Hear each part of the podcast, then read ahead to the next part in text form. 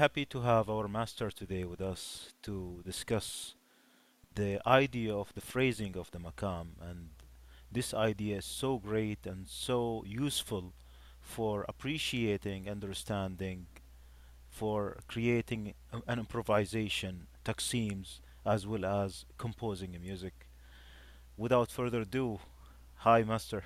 Hello, it's very nice to see you again. How are you? Good. Uh, this is yet another great interview, uh, viewers, for sure, because uh, I think this subject is maybe a subject of uh, Ross that he gives uh, great seminars on, and I have seen myself a great value added actually to me and to many others. Well, I'm very, very pleased to hear that. Yeah, so uh, Ross, what's the idea of the phrasing of the maqams? Well, it's um, it's a particularly old idea. Actually, it's Mm, uh, it's certainly not not anything new, and it's certainly not something which is mine. Uh, it's uh, it may be an observation of mine, but not. Uh, but it's something which has been around for a very, very long time. Um, there's been an unfortunate uh, misunderstanding, I would say, primarily in the Western world, that modality in music, modal music, is concerned with with scales or somehow that you know modes are scales, and of course this is a very incomplete way of seeing modes. Uh, of course, in any mode, I suppose you can derive a scale out of it if you wish, and if you find that to be relevant. But um, essentially, modes are a collective of phrasing material, and this is what makes them very, very distinct. mm, And this is one of the reasons why within the same scale material we can actually have several modes which are quite different and quite distinct and quite easy to recognize as being uh, distinct and uh, and individual. So for me, uh, in any of the modal traditions, be it makam, be it dastgah, be it raga, uh, be it the echos system of Byzantine music, mhm, in any of these modal systems, um, that which is of extreme importance is understanding the phrase material. mhm, Uh, quite often, what has happened is that the people who have uh, written down and who have created, so to speak, the contemporary theory in these traditions have been rather influenced by uh, Western analysis of scale material and, and of modality. And so they try and present everything through a rather sort of Western uh, viewpoint, which is not really very helpful. mhm, And this is something which is easily noticed by students of modal music who are not from the countries from which this music actually derives. Um, because they read all this material in a book, for example. There are plenty of books, especially in uh, Turkish books, mm, uh, describing, you know, the makams and the modes in great detail and things. But when you try, but when you take all that information, it doesn't actually translate into music. mhm, It's not enough. mm, And so what you discover immediately is that the way to connect with each of these modes is through the phrase material, and the phrase material is something which you absorb through studying the compositions. And of course, there's a vast repertoire of compositions in each of these modes. And when you play these compositions, you will quickly discover that, well, many of these compositions actually do not conform to the description in the theory book, and they do things which are a little bit different. mhm, So, what you have to do is you have to look at a large number of compositions. Of course, in each of the traditions, uh, there are certain what we call very representative and sort of hallmark compositions, uh, which this is a composition in which all of the basic features of the makam they're all present there. mhm, Uh, okay, in every tradition, all of the musicians know which these compositions are, so it's very easy to find out. For example, if you're studying the Turkish tradition, you want to know what is the hallmark composition of Segah Makam, go to Yusuf Pasha's Peshrev. mhm, Or if you want to know the uh, the hallmark composition of Ajam Ashiran, there's Salih Dede's Peshrev. Or um, Beyati, there's uh, Emin Dede or uh, Seyfettin Osmanoglu. There's all these compositions which are, these are the really characteristic compositions of each Makam. mhm, However, apart from these very characteristic compositions, there are many other compositions hmm which have certain rather unique and very, very interesting figures, or one particular modulation which you won't find somewhere else. hmm So it's important to study these as well. And of course, because there are so many compositions, basically the study of makam is a lifetime study. It never stops. You're always learning and absorbing new material or or inventing new material sometimes, you know, discovering new material. Yeah. And it's very much like, uh, I would say, it's very much like studying a language in many ways. Mm. Uh, when you study a language in the very, very early stages, when you're a little baby, you know, you learn individual letters and uh, you learn individual words and things like that.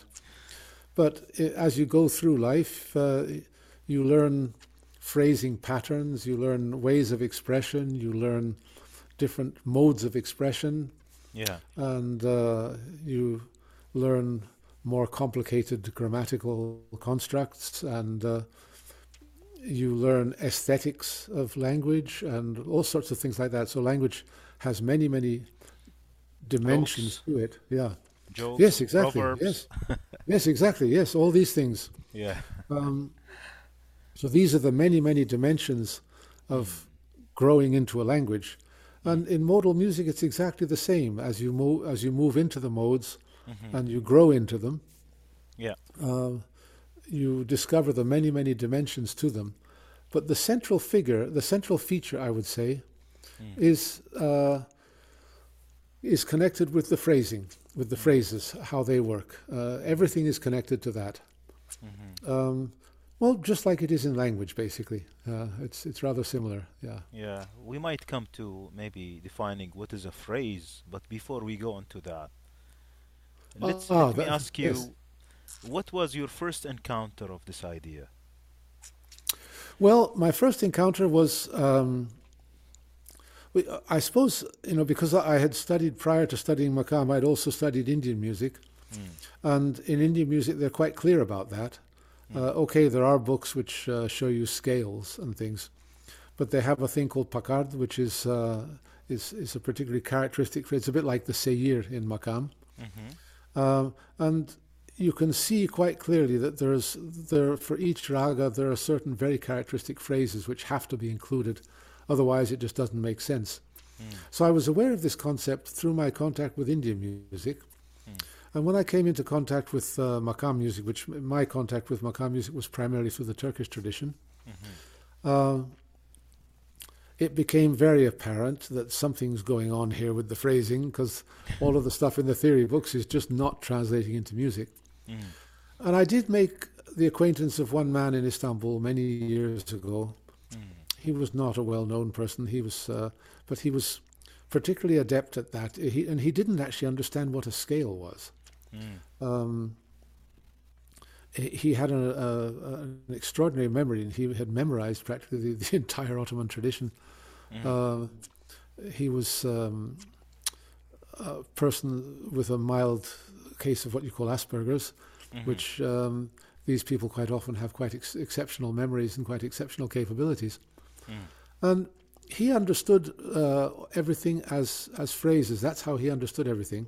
Mhm. And so he presented everything in that way. And on the number of meetings I had with him, I, I just was completely uh, amazed by his approach to this through through phrasing and not through any theoretical constructs or things like that. Mhm. And I realized that yes, this is the essence of it. And if you if you don't approach it in that way, you're not really going to get anywhere with it. Mhm. And so uh, the, the contact with him basically sort of uh, was a type of shock treatment for me, which pushed me in a totally different direction Mhm. and enabled me to uh, to see things quite differently Mhm. and to realize that yes, uh, okay, all of the information in the theory books, it's all very nice, and if it's helpful, fine, no problem, but it's that is not the essence of it. The essence of it is contained in the compositions and in the phrase material in the compositions. Uh-huh.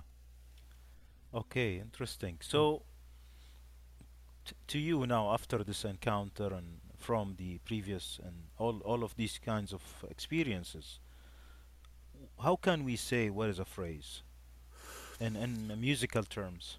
Yeah. Yes, a, a phrase is in music Mm. is very much like a sentence in speaking. Mm. It, it's a complete. It's something which is complete, and it it has a beginning, an end, and a middle, Mhm. um, and it conveys something. It, it uh, it's it's recognizable. Mm. Uh, it's very distinct. Usually, a phrase in music will have a a certain feeling to it. It'll be, I mean, in, in very broad terms, sad or happy. Mhm. Um, major and minor things like that. Mhm. Um, and uh, Mhm. yes, it, it, it's a it's a complete entity in itself. It's sort of self-contained, and usually phrases can also be very very flexible. They can you can pull them this way, pull them that way. They remain identifiable. Yeah. Um, these last two years, uh, I've had the good fortune uh, to study uh, also the Iranian musical tradition, Mm. and uh, which, of course, I've I'd heard quite a lot of Iranian music up until now in my life, but I'd never had the opportunity to, to properly study it. And this year, I, I had the that opportunity. Mhm. And uh, in the Iranian tradition, the so-called radif, which they refer to as the, the repertoire, Mhm. um, they're very, very clear about this, about the, the whole aspect of uh, of the importance of phrasing. They Yeah. probably put more emphasis on this than anybody else. Mm. And they have this concept of uh, the dastgah and the avaz, which are the main modes and the subsidiary modes. Then they have lots and lots of these little entities, little areas, be they rhythmic or melodic, which are called gushe. Mhm. Uh, gusheha is the plural. Yeah. Uh, and it, in observing how these interact with the main modes, you can see very, very clearly the importance of phrasing. And uh, you can see quite clearly the definition of a phrase Mm. through ob- observing these little, little phrase entities. Mm. So I suppose the best way to, to describe this to somebody, Mm. I I would imagine that some of our listeners may not be musicians, to somebody who is not a musician, Mm. is to compare a phrase in music to a sentence in language. Mm. That it's something which is a, a complete entity which conveys a certain meaning, a certain feeling. Mm. Uh, it's it's easy, it's recognizable. It has a certain completeness to it. It has a beginning, a middle, and an end. Yeah. Mm. Interesting. Yeah. So, uh, is there an effort, or maybe we need some effort to categorize these kinds of phrases, like uh, in a way that we can use them as a tool set to understand, or maybe build stuff with it? Well, yes. Um, you know, in the Turkish and Arabic system, you have what you refer to in Arabic as uh, uh, jins or ajna, which is the plural. Yes. Yes. Um, these are th- this is a very this is important. These are small entities, Mm. small regions. Mhm. Uh, people also refer to them as tetrachords or pentachords. I think referring to them as tetrachords or pentachords is perhaps a little bit deceptive because it it just again goes back to the whole idea of scales and not to the idea of phrasing. Yeah.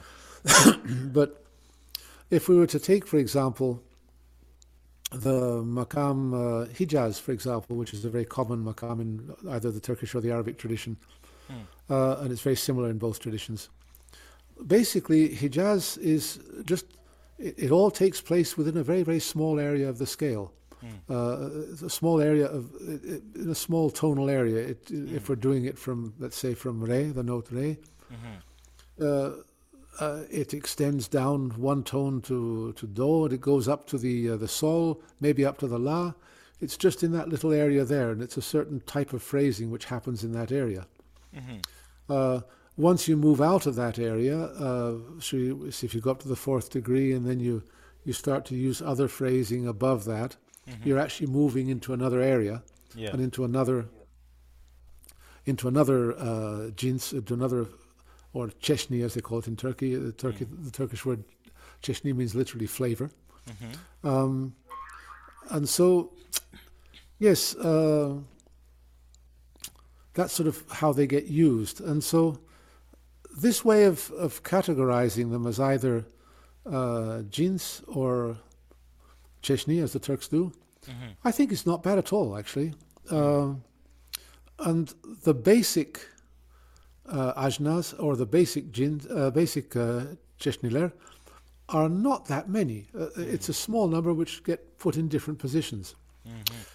This, however, is a little bit deceptive because if you were to transpose that Hijaz movement to another region and combine it with other ajnas or other uh, cheshni, uh, it's not just a matter of transposition. It actually acquires new characteristics and new phrasing uh, possibilities. So it's not just a question that we transpose it, we take it up a fifth or down a fourth or things like that. Okay, that does happen, but also other things come into it. That's where I find the um, the Iranian concept of the gushe, which in Ira- in Farsi, uh, as I understood, means quite literally corners. Yeah. I like that idea. Yes. Um, that's where I find that interesting because they may do the, what looks like the same movement in a different register, but they approach it very, very differently because it's in combination with other elements. So, uh, yes, it, it is a good thing to see the basic ajnas or the basic um, cheshni, but it's also important to see that they, the, when they change position, they actually change character and they change behavior patterns as well. So it needs something a bit more complicated, a bit more uh, comprehensive, should we say, than just uh, ajna and uh, cheshni there. Yeah. Uh, I think it's time actually for the whole modal system to be revised. Uh, and when I say revised, I don't mean modernized. No, I mean mo- perhaps the opposite. um, Yeah. because the modernization of it has just brought about the westernization of it, which I think was a mistake. Yeah. And I think it, it's time that we go back to look at what it was before. Um, because uh, they seem to have a broader concept of it in older times than what we do today. Um, today, unfortunately, in many of the modal traditions, we see uh, a lot of rather sort of uncomfortable examples of Western influence, uh, which, of course, I'm anything but anti-Western. I'm Western myself, you know, but I mean, but um, no, but what I see is that there are certain things which do not work well together. Uh, or if they are to work well together, it requires much more thought and much more, uh, much greater care, so to speak. Um, the fact that we now see, for example, especially in Arabic and, uh, uh, well, actually more in Turkish, actually less so in Arabic, uh, but we see in both traditions, for example, kanun players filling everything full of arpeggios and things like that, major and minor arpeggios. Um, this is, is an unfortunate distortion which Uh-huh. does not actually improve the the tradition. It's not something which is enriching it. It's limiting it because Yeah. it, it's what has happened is that people have now become a bit confined to a certain category of makam in which this sort of thing more or less works. Uh-huh. Uh, Kurdi makam or nihavent or uh, things like that, which you know we can they look more like major and minor scales or mahur things like that, and it doesn't actually help the music. And sometimes you know other modes which perhaps have rather more uh, unusual, so we say, intervals, uh, tend to be ignored because they cannot be treated in this sort of modern semi-European manner. Uh, and I'm of the school that uh, I think that the Eastern modal traditions have great value in themselves.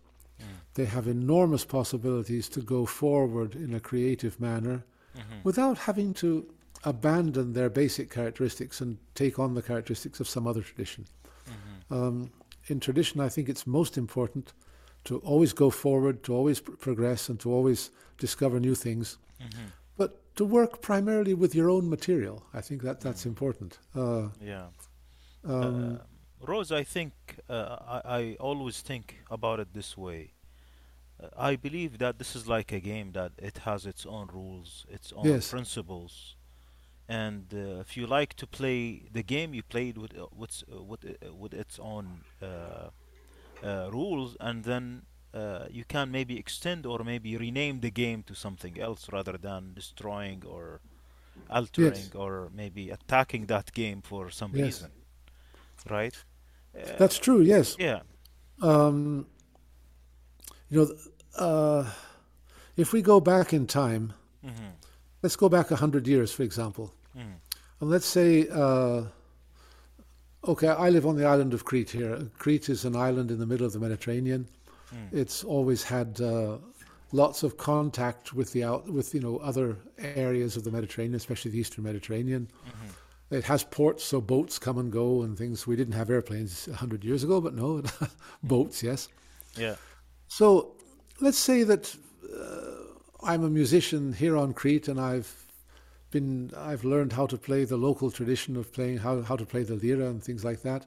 Mm. And uh, you know, somebody comes on a boat from somewhere else, and uh, I get to hear them play one evening or something like that. Of course, musicians a hundred years ago were not thinking about uh, preserving tradition. No, they were they were musicians that whatever they listened to was interesting, you know, and Mm. they would they would listen to it and take from it. Mm. But the the amount of material they were absorbing from their native environment Mm. and the amount of material that was coming to them from foreign sources was in a certain proportional relationship hmm which was balanced. Yeah. And that the majority of what they were actually hearing and what they were experiencing as musicians was coming from their native environment. Mm. And a smaller percentage of material was coming from outside and at a speed which was fairly easy to absorb. They weren't hearing, you know, hundred different types of music all in one day or things like that, which is what we're doing now. Yeah. Um, maybe they'd, you know, once every month somebody from a foreign land would turn up with an instrument and play something. So they were able to take influences from whatever they heard, absorb them in a manner which was, you know, at a speed which was human, hmm and to absorb this material in a way which was sort of, should we say, organic. Mm. Today, uh, people are literally bombarded with all sorts of sounds and images from all over the world and from many different sort of unrelated contexts in many ways. hmm And people have a very hard time fitting all of this into a cohesive whole. Mm. Uh, and uh, it's understandable, of course. So, if you're a musician today living on Crete and you're playing the lira and you've heard the local tradition, but you turn on the radio and you hear pop music from New York or you hear, uh, you know, Mm. music for uh, an advertisement from France or you hear this and this, uh, hear all this stuff all together, it's very difficult for the musician today hmm to be able to absorb all of this in Yeah. a in a deeper way and to digest it and to be able to use it creatively and cohesively. This is the Mm. difficulty. Yeah. And so in many of these cases the aesthetic has been seriously upset hmm and uh, you see all sorts of things which are sort of stuck together in this coexistence which doesn't they don't really fit together and uh, hmm they actually clash with each other these different elements Mm. and this has unfortunately disturbed, uh, distorted Mm. many of these musical traditions. Another thing, of course, is that I think I've mentioned this before, in perhaps in one of our other talks. That you know, I remember clearly in the 1980s when I was a student Mm. of uh, Kostas Mountakis here on Crete, studying Cretan lira, hmm and I was also going frequently to Istanbul to study the Turkish kemençe with uh, Ihsan Özgen. Uh-huh. And uh, I remember, you know, here on Crete, the instrument of Crete is the lira, okay? hmm And I would go to Istanbul, and uh, nobody in Istanbul knew that they played lira on Crete. Mm. But here on Crete, nobody knew that they played lira in Istanbul either. Yeah. And in both environments, nobody knew that they played lira in Bulgaria or in the south of Italy or in a number of other different places. hmm But everybody knew Michael Jackson's latest hits. So Yeah. this is a bit sad in many ways, is that uh, there's this thing where everybody has their eyes on what's going on Mm. in the big urban centers of the Western world and the big commercial centers of the Western world, basically. hmm Uh, and of course, you have the people in the big multinational recording companies of that time Mm. who were thinking, well, why should I make a separate recording for Crete, a separate recording for the south of Turkey, a separate recording for Egypt, and a separate. Let's make one recording in New York and we'll sell it to everybody. Mm. Uh, and, okay, this was this made commercial sense, of course. Mm. but it doesn't make cultural sense.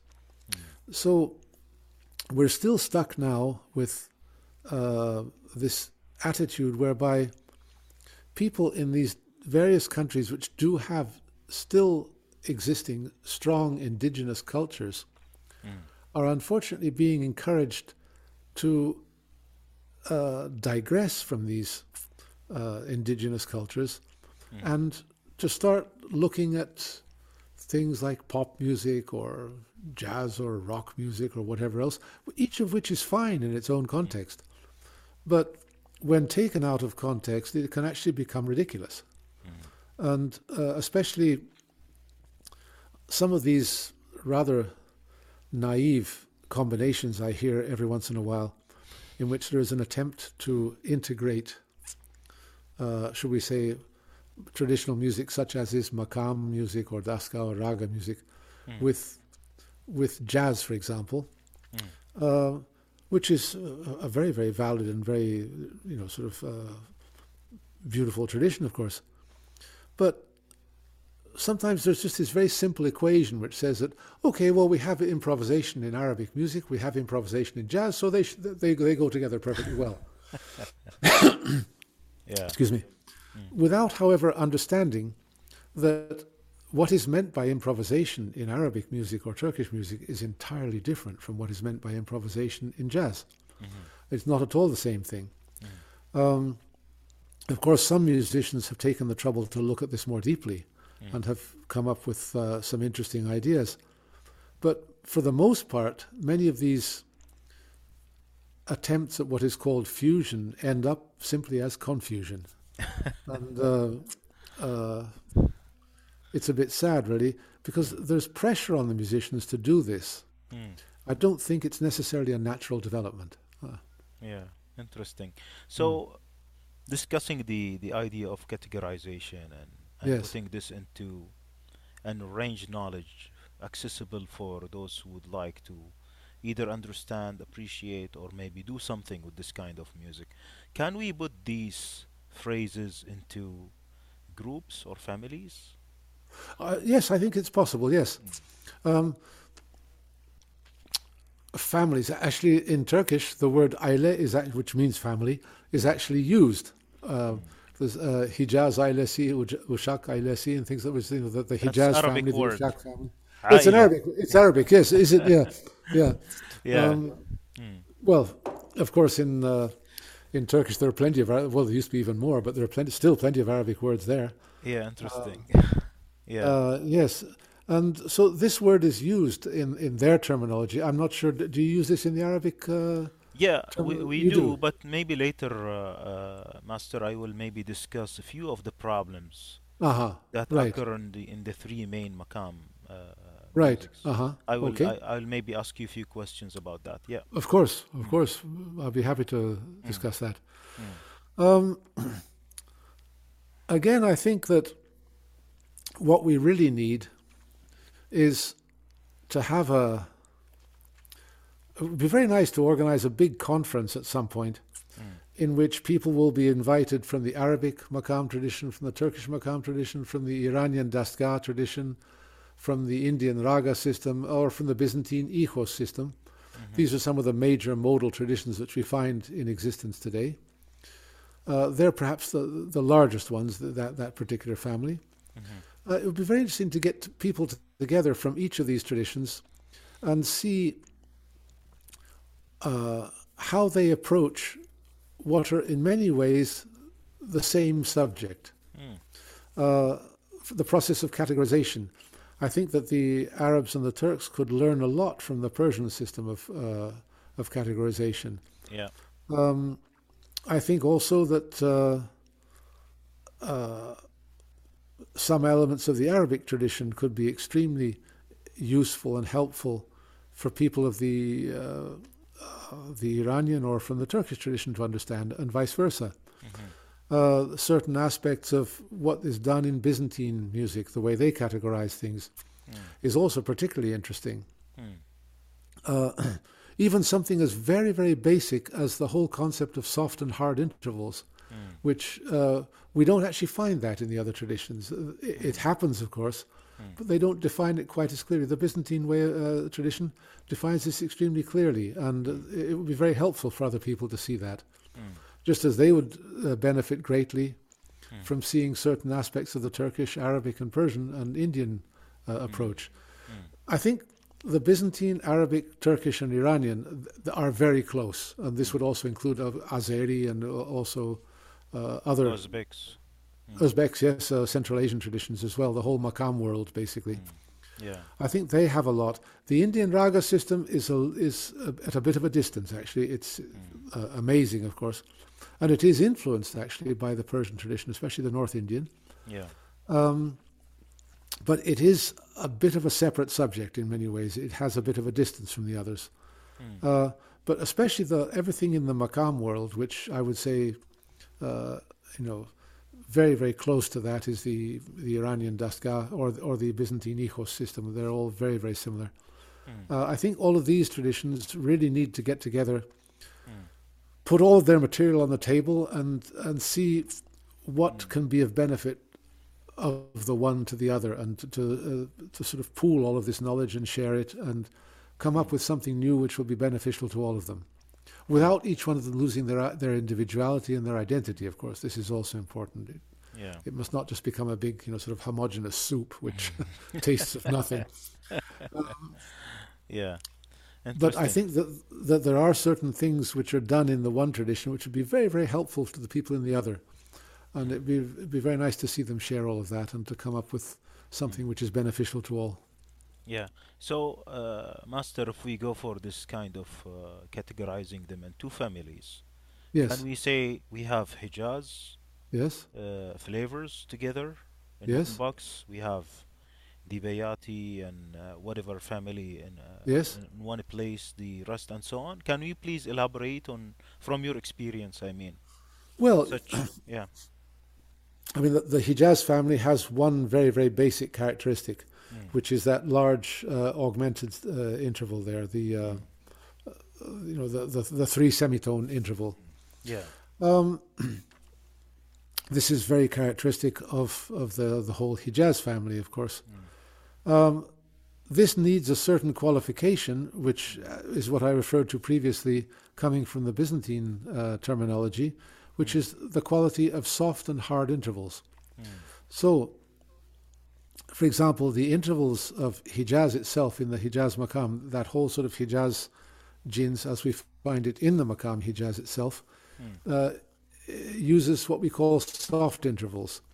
When we refer to a soft interval in uh, with reference to Hijaz, we mean that that three semitone interval is smaller; it shrinks. Yes. So the, the semitone on the bottom is is further away from the tonic, and the semitone, uh, which is below the fourth degree, is further away from the fourth degree. So that uh, it becomes the three semitone interval becomes smaller.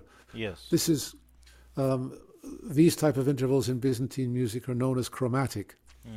Um, this, of course, is totally different from the use of the word chromatic in Western music, which means semitone semitone intervals. But no, in Byzantine music, chromatic means uh, using this particular three semitone interval.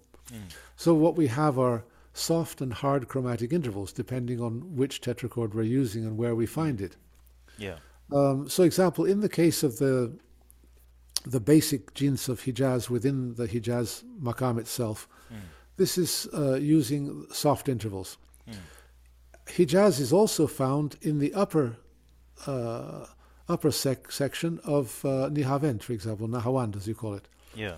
Um, however, the intervals there are the, the three semitone interval is larger in that particular context.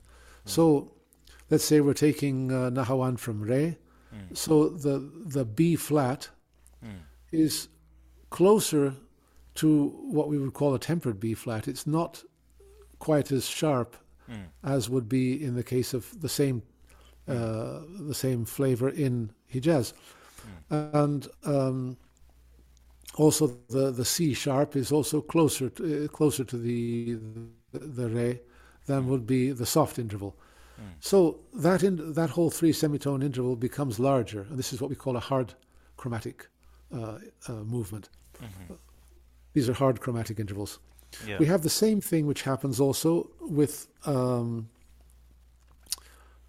the whole uh, Bayati or Ushak, uh, however you wish to call it, Mm. um, which again there are intervals in which the uh, there are the, these are called diatonic intervals in the case of Bayati or Ushak Mm. uh, in the Byzantine system. Um, or they're referred to in Turkish as uh, Ushak, I see the Ushak family, or I don't know, I Mm. suppose in, in Arabic they refer to it more as Bayati. Yes. Um, yes. Uh, well, what happens there is that, let's say we're, we're again taking this from the note re. Mm. Uh, you're using re, your mi is very low, Mm. quite low, but it's not a mi flat, it's not a mi natural, it's in between there. Mm. Now, depending on which mode it is, that mi is either a bit higher or a bit lower. Mm. This note uh, is known as segah. Yeah. Um, in my view, uh, segah should not be seen as a note, but as an area Mm. uh, in which, depending on the the direction you're moving, depending on the makam you're playing, it can be you can be either a bit higher or a bit lower within that area. Mm. So if you're playing the makam segah itself, then the note, the segah note, will be at a higher point within that area, Mm. closer to the do, Yeah. but still lower than a na- than a tempered C, uh, C, nat- C natural. Mhm. If you're playing Ushak, that particular note will be at the low end. It will not be uh, a B flat, no, but it will not. It'll be uh, not as high as the as the same note played in Makam segah. It'll be a bit lower. Mm. And if you're playing Husseini or, or Bayati, it could be at different positions. It depends on the. Also, if you're going up, it's a bit higher. If you're coming down, it's a bit lower. It, it's it's a very sort of volatile note and very flexible. Gravity wise. Yes, exactly. Yes, yeah.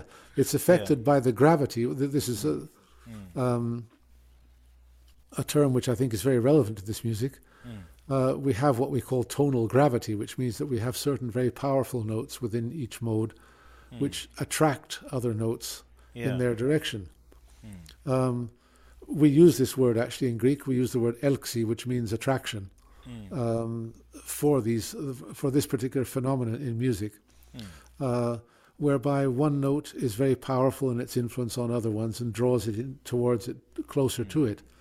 Mm. Um, so, so certain certain uh, notes within a given mode have a greater flexibility. Certain notes are very fixed. For example, you know the tonic or the fourth or the fifth tend to be quite fixed, Mm. whereas uh, other notes, especially if we're looking at the um, the Bayati or Ushak family, certainly the second and the sixth degree are particularly flexible Mm. and quite they're, they're very much influenced by the tonal gravity of what's going on around them. Mm. Uh, so yes, um, we can look at those two basic families. We Mm. can look at what are called soft and hard intervals within both of those families, Mm. Um, and then we can look at how these intervals are affected by tonal gravity Mm. uh, and how we get different constructs out of that, different uh, different uh, uh, flavors, different uh, cheshni or or jins, Mhm. uh, due to the influences of either soft and hard intervals Mhm.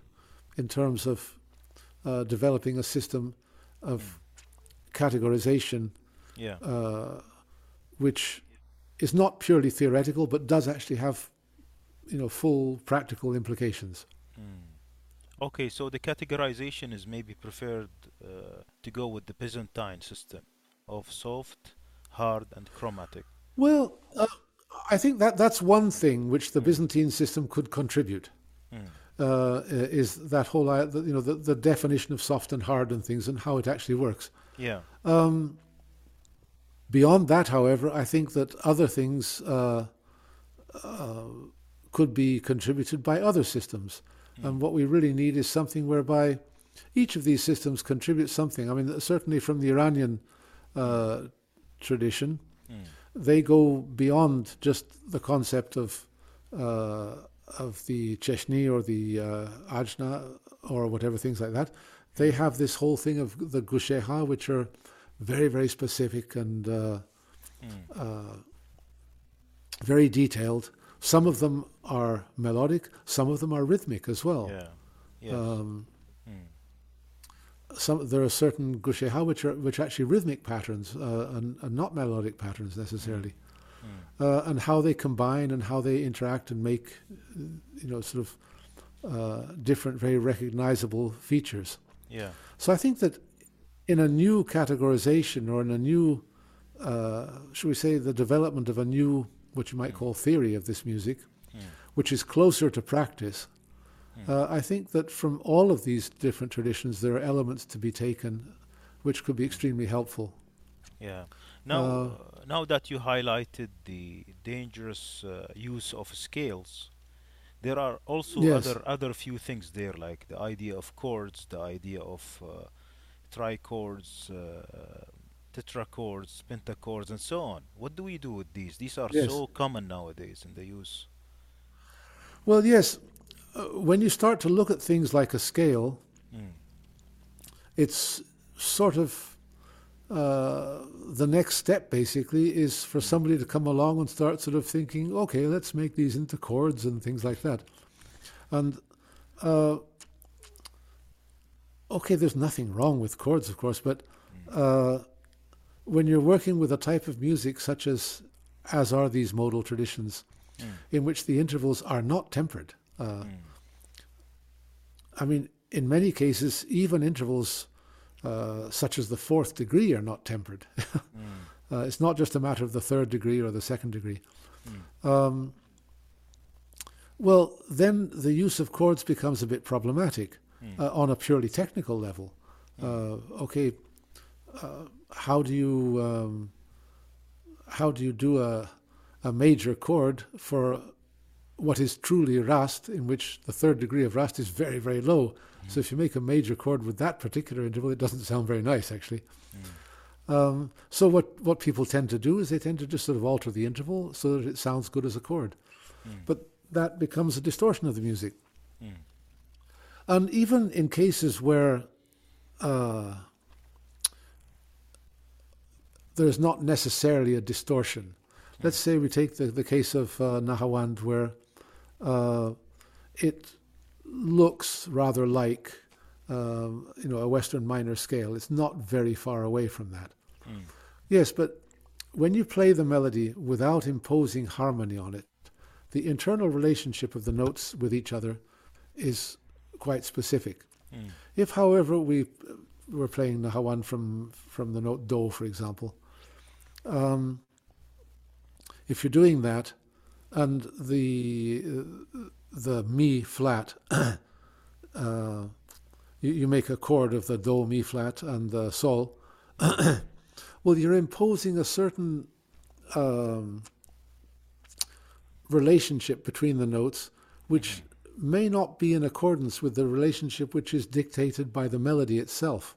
Mm-hmm. The usual, the result usually ends up that when you put a, a minor chord on Nahawand, it just becomes very sugary and a bit sort of uh, bit cheesy, as we yeah. call it. he was um, waiting for this expression.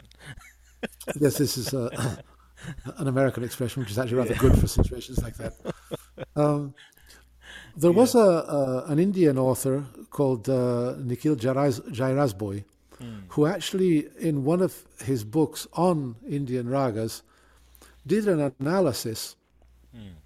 of how the hierarchy of notes within a given raga is affected if you're playing the raga with one a single note drone, a two note drone, or mm. if you suddenly increase that to a three note drone of, of a major or minor chord. Mm. And uh, his what he shows is that the tonal relationship gets very seriously altered mm. by the number of other notes which are being sounded at the same time. Mm-hmm. So it's it's not just in our imaginations that that happens. It is something which is quite sort of physically demonstrable, mm. uh, and it's something which certainly people should uh, pay attention to and, and be careful of because you Mm. can seriously alter the aesthetic of a piece of music Mm. by imposing on it uh, different things like you know like, like taking a modal melody and just harmonizing it according to the dictates of Western harmony. Mm. Uh, it's it distorts the melody quite seriously. Mm. Uh, in my view, that's a bit unfortunate. Mm. Yeah. So, uh, Ross, what about uh, certain features that are very useful when we are uh, talking about phrasing? For example, the duration of the note, the ornamentations, yes, uh, certain aspects of the way you show off some idea, like a phrase. yes. in any of these traditions, uh, what we see hmm is that you have a specific phrase, a specific mel- melodic motif or a melodic pattern. Mm. Okay, um, it can be expressed either very simply as a very basic skeleton, Mm. or you can you can hear it in its fully embellished uh, form. Yeah. Uh, in each of these traditions, be they folk or classical, it doesn't really matter. Mm. Um, what is extremely important is the manner in which melodies are embellished, or the way they're treated, and the way that they're sort of, shall we say, decorated. hmm Um, it's like having, you know, like having a room which is just four walls, white, and a ceiling and a floor. Mm. Okay, we put furniture in it, we put decoration on the wall, we we turn it into a living space. Mm. Um, that's very much what happens with many of these uh, modal phrases, especially the archetypal modal phrases, where it's it's a a very very simple phrase, which has a, an enormous amount of content. But in order for that content to be realized and to be evident and to be uh, clear, Mm. we ornament it, we present it in a certain way so that it, it now sort of actually speaks. Mhm. Uh, so that's why in each of the various different modal traditions, the whole concept of ornamentation is extremely important. Uh, It's of major importance Mm. because that's how we take a room and turn it into a living space. You Mm. know, uh, as a sort of a metaphor. Yeah. Um, and the way it's done in each of the traditions, you know, it's done very differently in the Arabic tradition from the way it's done in the Turkish or the Iranian or the uh, the Byzantine or the Azeri or the Indian. Yeah. Each tradition has its own way to do this, Mm. and this is very much what gives it its identity Mm. and uh, makes it very, very clear to you that okay, I'm now moving into a Turkish room or moving into an Arabic one or into a Persian Mm. one. Uh, and it, it's very important because it's an environment, and an environment is very, very important for the living entity which is inside it. Uh, Yeah. Interesting. So, if, if, if we take, for example, uh, any of the uh, phrases, let's say uh, an Oshak phrase, yes, for sure there are some notes that are more important than others. yes, yes, Uh, there are, for example, certain ornaments that are allowable or maybe favored in this uh, kind of uh, phrase, yes, but maybe the vibration is not uh, favored here, it's favored somewhere else in the same context of the same music. So the duration means the notate the notation or sorry the note or the nagma is very important. It takes long time, it repeats many times in the phrase. yes. Uh, uh, maybe the relationship between two notes. This is what I learned from you actually. yes, that we we always you know compare a note to another we jump between them and they talk to each other they relate to each other these Yes. are like certain features that are really so important and worth paying attention yes. That's true. Yeah. Um, this is extremely important, you know, uh, and this is something which quite often, uh, you know, Western listeners uh, tend to miss out on this sometimes because it's something which is not so familiar to them. Um, in many modal traditions, the melodic uh, activity may take place within a very small area. And there's a lot of detail going on in that little small area, which, if like Western audiences, you're used to music which actually occupies, you know, the, the melodies may occupy a very large area of the scale. Uh, they may have arpeggios, they may jump up and down and things like that and move in, in a quite large area. In most modal traditions, melodic activity tends to work within a small area and gradually shift into a higher register or a lower register. hmm But this is done gradually. It's not done in great leaps and bounds usually. mm Uh, f- for the most part, there are exceptions, like certain makams, like muhayyer, for example, or makams which tend to work up in the high register. But for the most part, melodic activity tends to work within a fairly small area and gradually shift uh, register and move either up or down. mm Um, so what you're hearing is within this small area melodic activity, which if your ear is not accustomed to, to that, mm you listen, you hear everything as being sort of the same. Really, you think, oh, what's going on here? They're playing the same thing over and over again. Yeah. Um, this is a bit like what happens. Uh, I think we've mentioned this before. Uh, you know, when you're on the outside of a particular tradition, mm you tend to hear everything in there as being it all sounds the same to me. mm Uh, whereas to somebody who's on the inside, no, it does not sound the same. mhm, I mean, many people who don't know, for example, flamenco music, uh, they just have a passing acquaintance with it. They listen to flamenco singers and they think, because they have a certain timbre, they have a certain approach to singing. The people on the outside think, well, they all sound the same, flamenco singers, you know. Mm Whereas to somebody who is familiar with that tradition, no, they do not sound the same. There's, there's radical differences between them Yeah. uh, enormous differences of quality and uh, style and all these different things. But people on the outside just don't hear that. yeah. And so when you move into the tradition, ah, then you start to see all these details and you start to see this, uh, what you saw from the outside as being a microcosm. Suddenly, when you're inside, it becomes a macrocosm, and there's a lot of things going on in there which you never saw before. Yeah. Yeah. So this is true also uh, even of material within a melody. That okay, on the outside, if you're used, if you're not used to hearing, shall we say, Turkish melodies, and you hear different nuances going on within a movement of ushak, and it's all taking place within a relatively small area, Mm. uh, tonally. Mm. You may think, you know, if you're not familiar with this, you may hear it and think, well, this all sounds like the same thing over and over again, you know. Whereas, in fact, it's not. Yeah.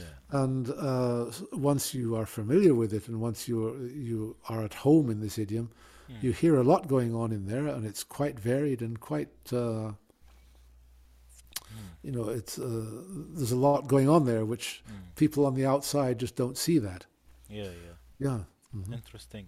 This is like the Indian spices. You know, many people always associate maybe the phrasing or ideas in music with the spices and flavors, as you said Yes. earlier, and uh, the combination of things that lead to names of complicated spices for Indian food is uh, is an example. Oh yes. yeah. Many people in the West they say it's curry. All of it's curry. You know, so it's not that simple. No. there's, Yeah. there's a lot going on there, and there's many, many different recipes and many, many different combinations of the spices which produce Yeah. specific tastes and produce specific Mm, uh, gastronomical experiences, which uh, mm. is not just okay. Indians eat curry. You know that's Yeah. So uh, two more things before we go for a break, uh, Yes. Master. The uh, people from the inside who criticize their theories or their their own understanding of music. So we go for Mm. The Persian people. They say, "Oh, we have too many names for too many things. These are just exact things that are repeated in a different degree." uh, these gushes are the same. I don't know why, why they call it this name here and, and that name there. Uh, that master and, and his radif, whatever, you know, they criticize and they say, yes. let's go and do whatever the Arabs are doing. They are free in their taqsims, Yeah. uh, they are free and, in jumping maqams and so on. We, we barely understand the idea of a maqam and so on. You go for the Arabs, they have their own problems, right? Yes. they say, "Oh, why do we have too many names for for maqams? It's just a transposition." Uh, uh, uh, I mean, uh, that guy was doing this and that. Why don't we just modernize Yes. or yeah. harmonize? Or you, you know, these the, every culture has its own problem. I'm They talking about the majority of Yeah. of Yeah. the problems. Again, for the Turks, where they have their own criticism about the uh, notation, about uh, the movement of commas, the, the categorization, uh, the old flavor of this that became this, this that disappeared. After all, this is the modern way Mm. of uh, what it should be versus the old-fashioned makams, whatever, old compositions. All of these guys are criticizing their own music. Uh, let's say the theory or understanding. While the way we talk now, we see there are great ideas and great practical approaches to music if we take uh, true. all Yeah. of these uh, together in one place. I'm sure you have seen this closely with with the community we have. Yes. Mm.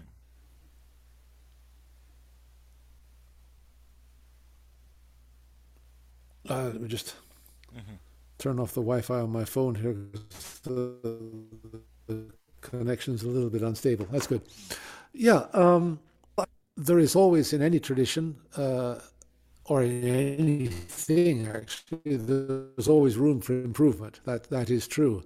hmm However, we have to see where the criticism is coming from, um, what it is trying, a criticism which says that, uh, well, everything's too com- a difference, however, between that which is simple and that which becomes simplistic. Mm. Uh, let's take an example of language. Mm. Uh,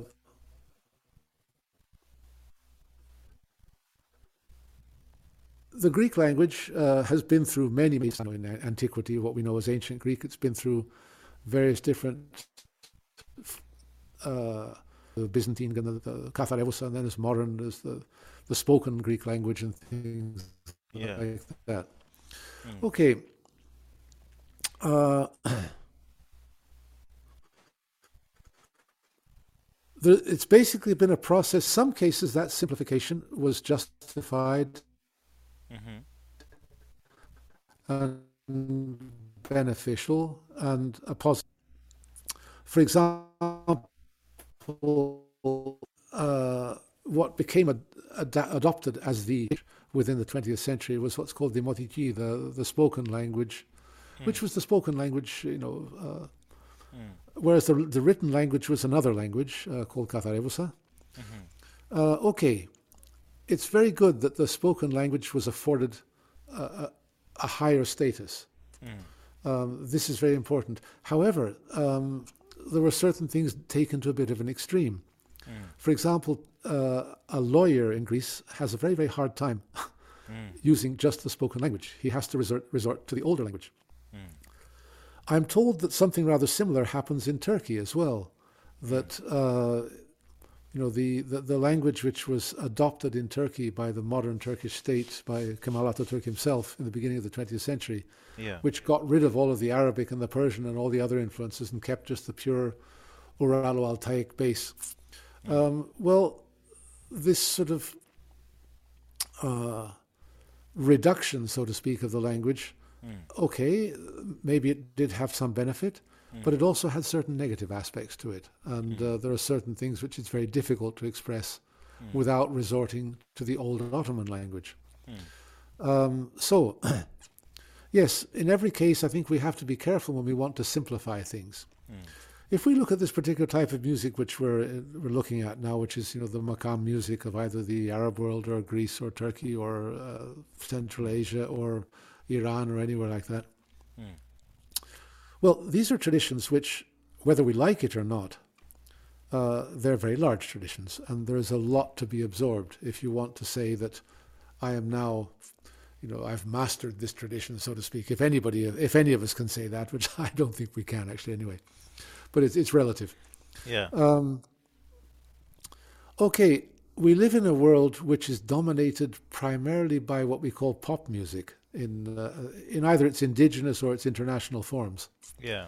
In the pop world, everything is about extreme youth, and so basically, a pop singer, a pop artist, is basically finished by the age of 25. hmm Uh, so everything gets done very quickly. It's very, you know, it's uh, we learn how to do this quickly. We our career is very short and we're done quickly. Everything's done very quickly. It's very. Mm. Whereas in these different types of traditional music, which we find, uh, these are traditions where there's a lot of material to be absorbed.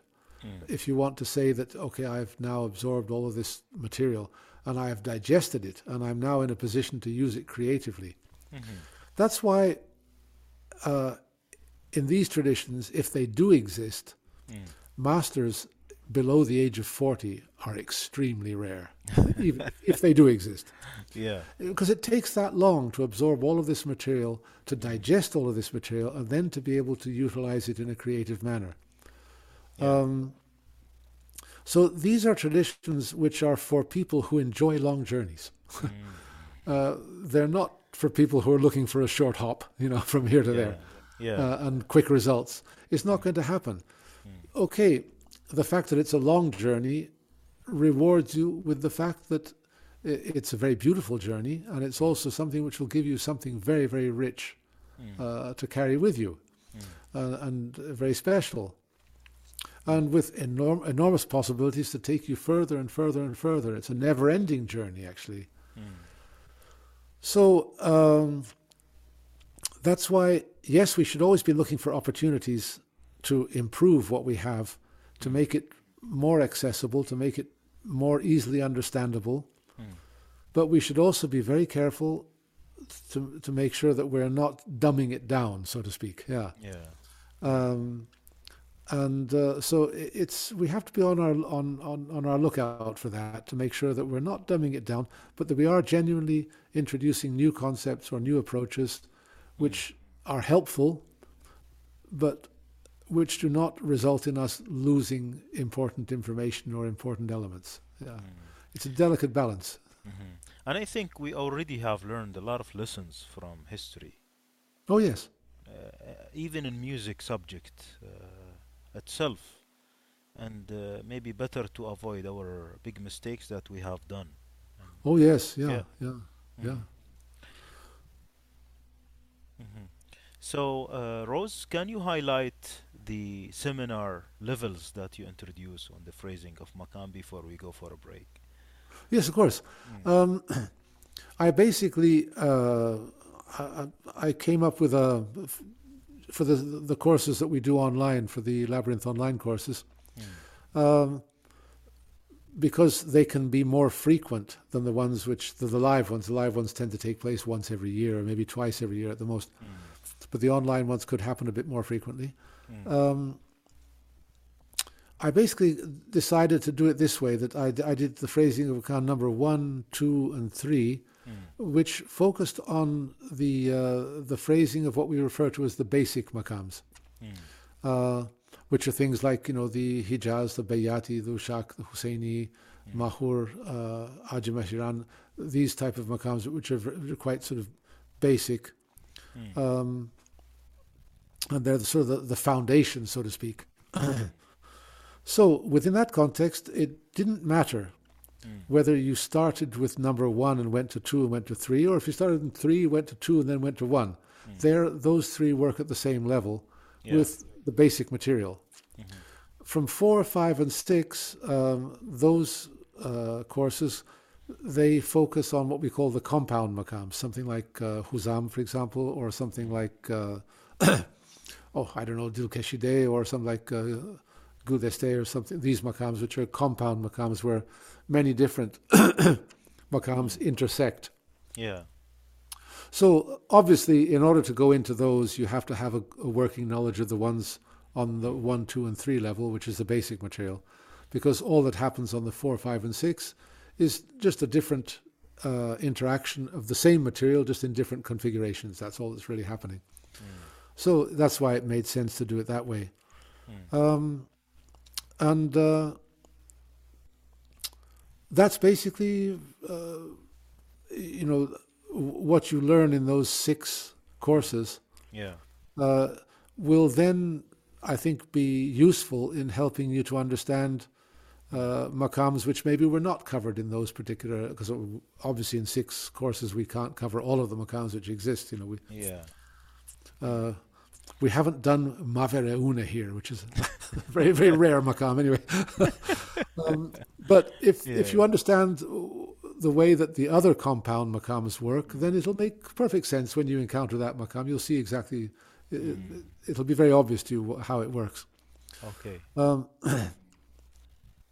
so it's, uh, uh, of course, in the four, five, and six, we don't cover all of the compound makams because there, there are lots and lots of them. But we basically look at how they work. And uh, how they work is going to be relevant to how the ones that we haven't actually looked at, they work in the same manner, actually. Of course, in each one, you're going to find certain idiomatic little details, which you just have to know those. Yeah. Uh, and those details are not covered, should we say, in, in theory. Uh, for example, if you take the makam known as Bestenigar, uh, okay, the theory tells you that, okay, this is, you have Sabah, and then it goes down to Iraq, and okay, that's fine. But they don't tell you that there's a special way that you have to treat the fourth degree of the Sabah movement in order to get to the Iraq movement down there. Uh, there's little details in each of these uh, each of these Yeah. makams which you have to know.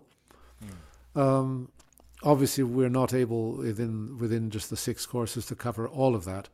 But I do point out that these details do exist, so that you know, be on the lookout for them uh, when you encounter a new makam.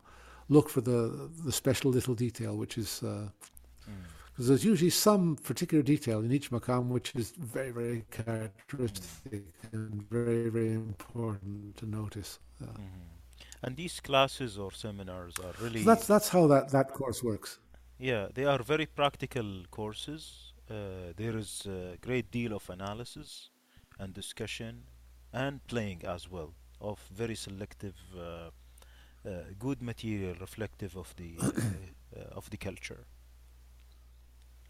Yes, I've, I've tried to, to collect uh, and to present in these courses what we call the, the so-called the hallmark pieces, these very characteristic pieces which clearly demonstrate uh, the material relevant to each makam. That, that for me is important because it shows people in a very practical way exactly what we're talking about. It's not just sort of theoretical blah blah.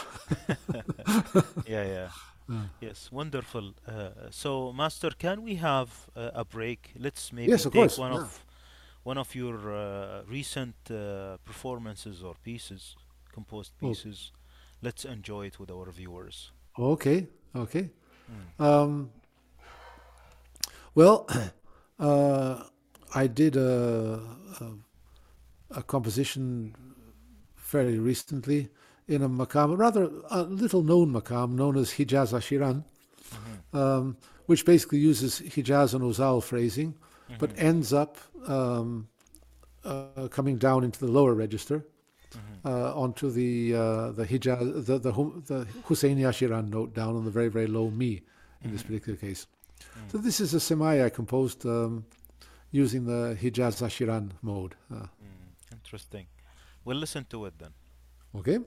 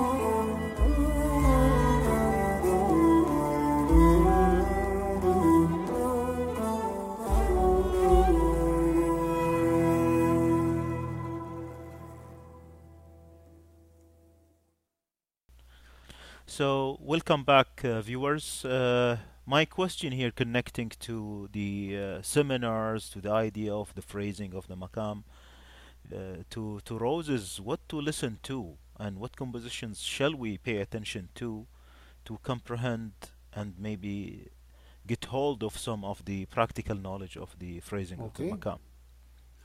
Well, um, certainly uh, in each tradition, there are a certain number of widely recognized masters of those traditions, Mhm. uh, either from the past or in the present, um, who it makes absolute sense to listen to those people.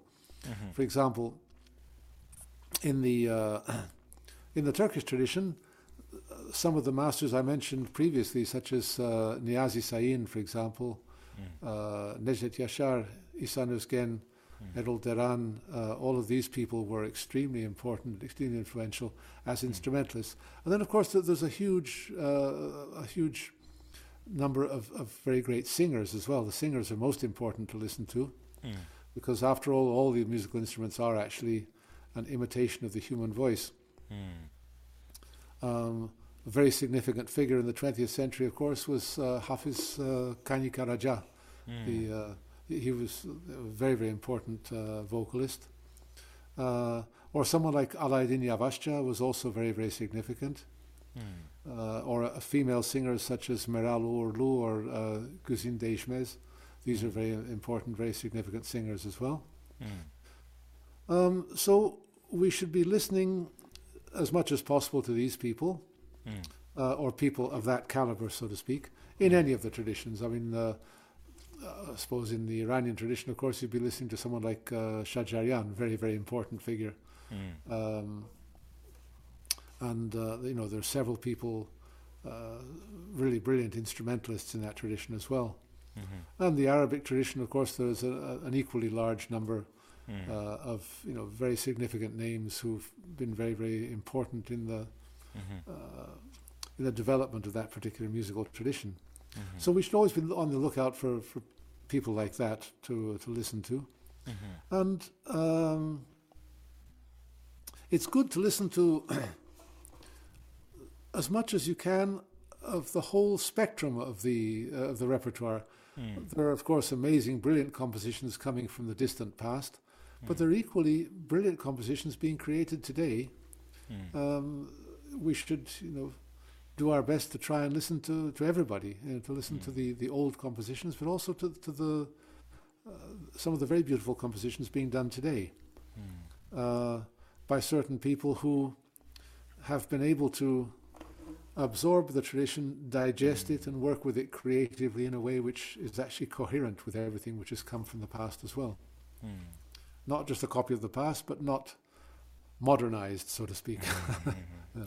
Yeah, so the criteria is, is very hard to pick other than, you know, getting an advice or maybe taking the time to know who are the great Exactly. masters, right? Just Unless we get an advice yes. from an expert. Just as learning to play this music is a process which takes time, Mm. learning to appreciate it also is a process which takes time. Mm. It's not pop music which you know you suddenly latch onto it and it becomes an, what we call an earworm and sticks in your head. No, it's it's music which takes time to to understand and to appreciate, Mm. and it's something which, of course, if you do Mm. spend the time and make the effort to understand it, it will Mm. reward you very richly because it, it's a it's a very rich world and it's uh, it's got a lot to offer. Mhm. But um, like anything of real worth, it's something which takes time and effort. You know, it, uh, Mhm. it's not. Uh, instant. Interesting. Now It's- I see the instrument in front of it's me. not instant coffee. Anyway, yeah. Uh, uh, let's let's uh, go into some uh, demonstration of. okay. Let's start with like the basic element. Beyond Okay. the notes, we have the phrase. Yes. Okay. Maybe let's take some phrases and then go into Okay. yeah.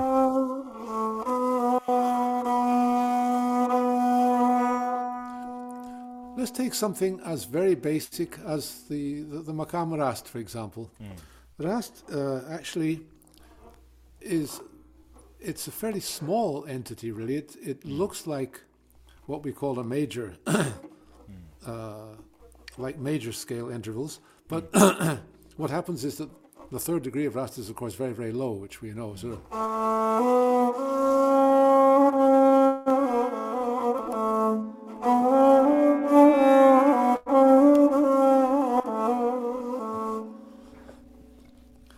That very th- low third degree makes sense within a certain type of phrasing.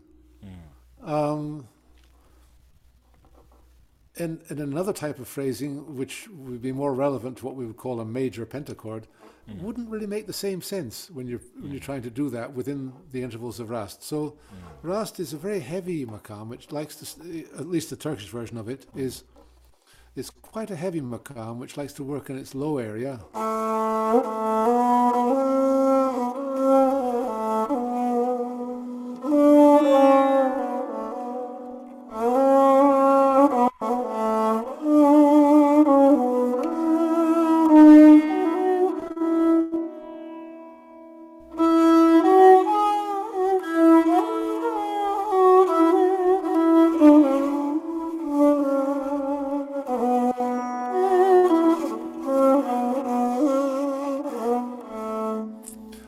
Movement in Rast. It goes up to its octave, but very briefly. It starts out.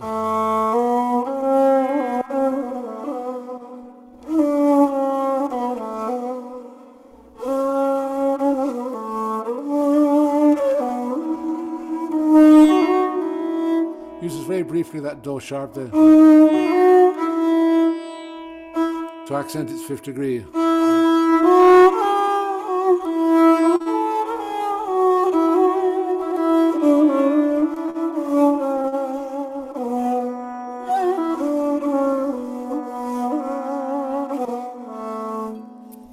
Phrase from uh, an old song by Dede Effendi, 18th century song. Sorry.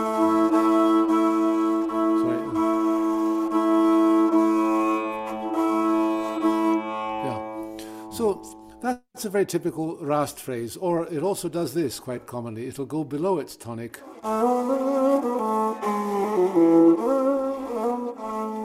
To make a conclusion, that's a very, very typical phrase also.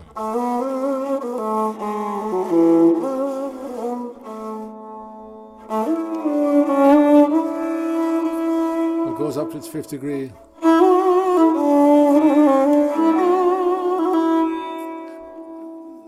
A sort of a pulsating movement on the note mi there. But it won't doesn't want to go up above that yet.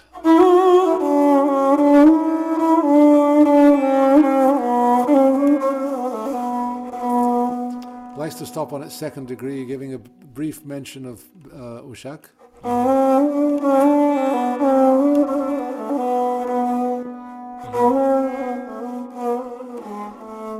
Back to its base again.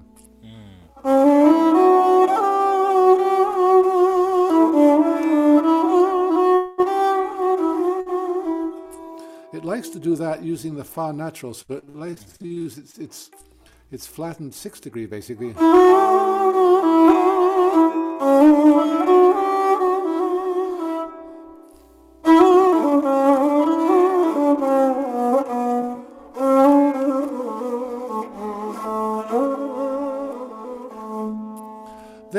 It goes up to its octave, it basically is doing what we call mahur, which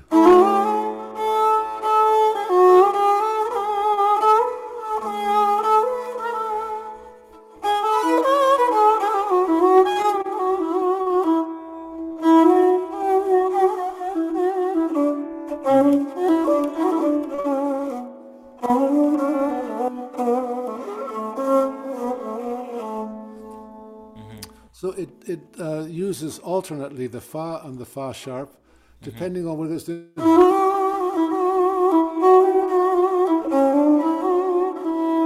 That movement there on the on its fifth degree, mm-hmm. or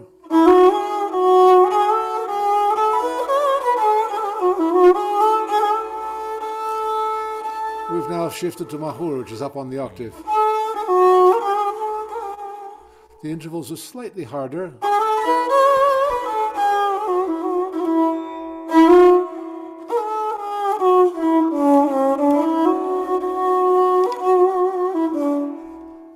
Brief mention of Husseini there.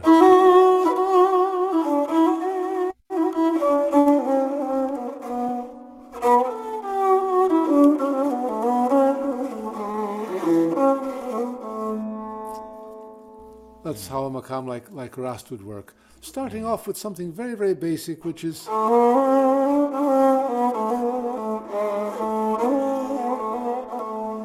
that's the central figure of it. Then going up to the fifth degree.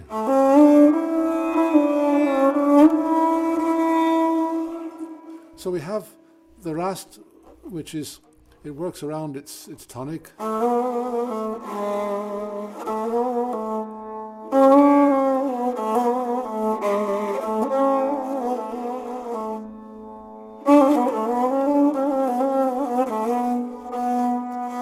Ushak movement.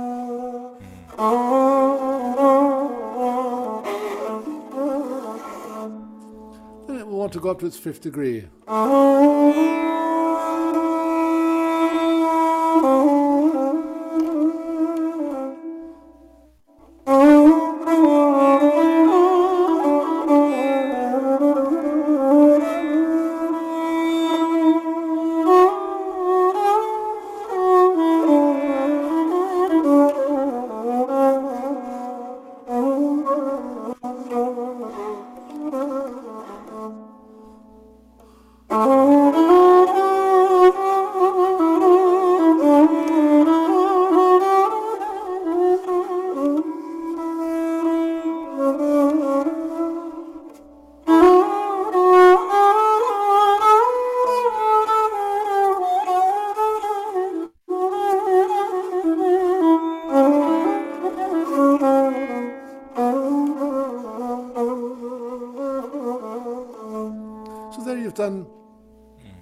Within a space of about an octave, you've done uh, the various different aspects of Rast in the different registers, in the middle of it, in the top of it, in the bottom of it. You can now start to do modulations doing something different. Like you can, in the top part, you can be. You're on your fifth degree, you can now flatten.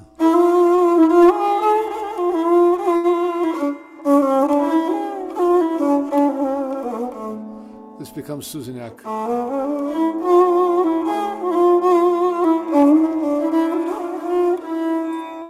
Which is just putting Hijaz on, on its fifth degree. Uh, oh, there are many other things you can do as well. Uh, you can make an Evij movement on its seventh degree. Um, or you can also, um, when you're in the Mahur element there,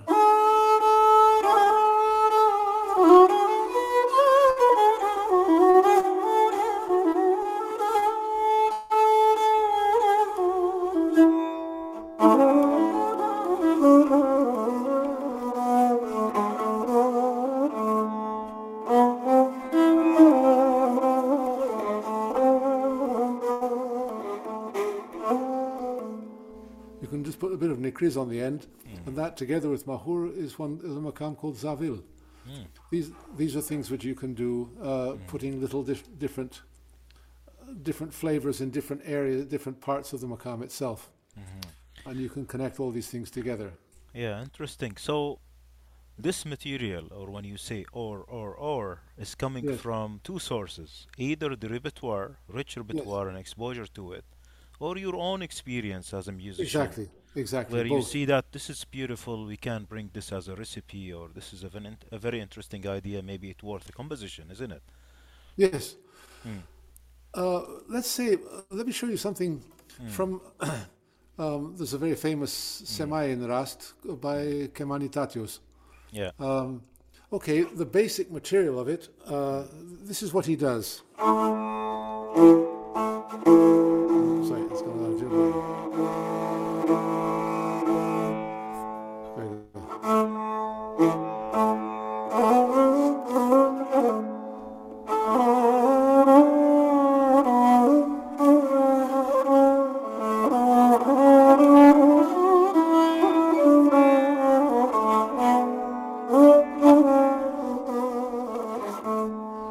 That's the first Hane. It's very, very basic, very, very specific, very clear mm. Rast material there. Yeah. And he goes up to the fifth degree. Oh.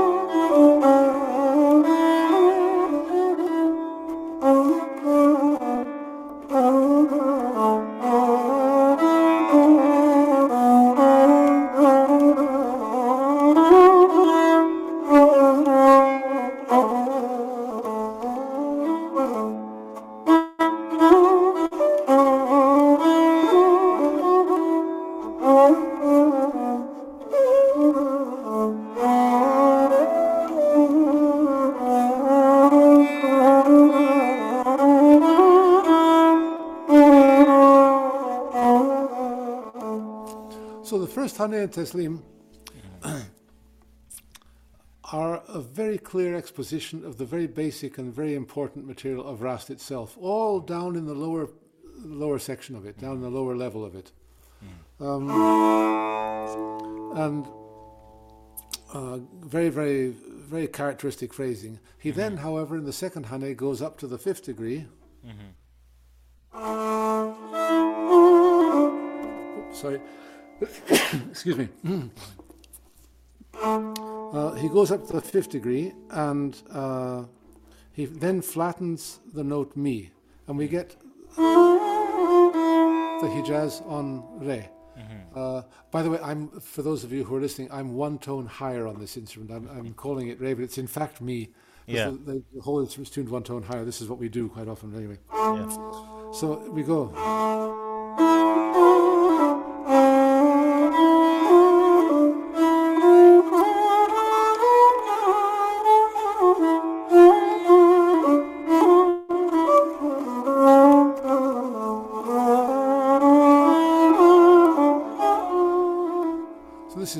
Here. He's taken the rast here, but then also very soft Hijaz here. This mi flat is flat, of course, but it's not a full mi flat. It's not. It's not that. Uh,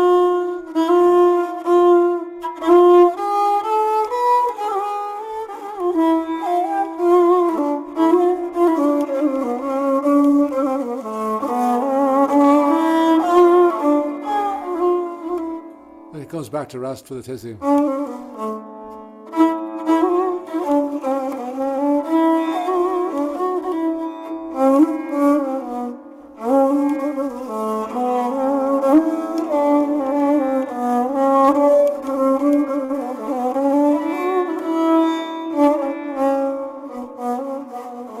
He's back into Rast again. Mm-hmm.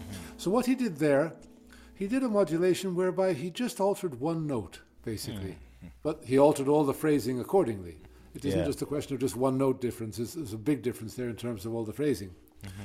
So now he goes to the third Hane, and here he does something very interesting. He starts on Mahur, which is very typical, because the third Hane always goes up to the high register.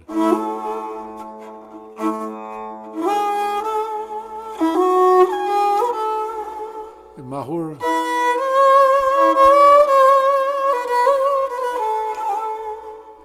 now,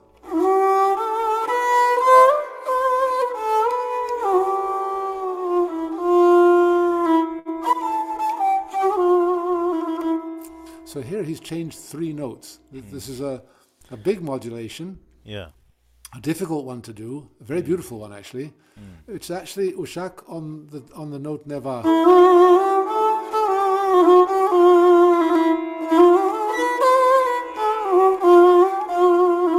That's what we get. So we get started off with Mahur.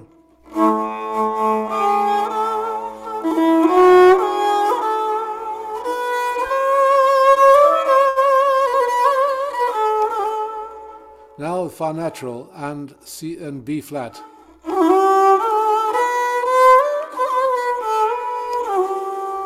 Mi semi flat.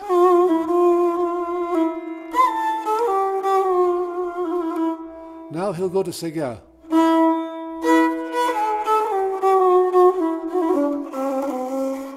Down there, he's come down. The Mi has become a tiny bit low. Hmm.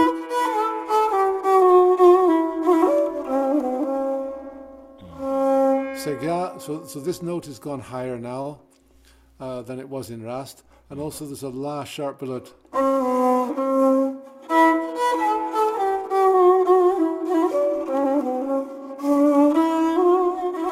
Back to Rast.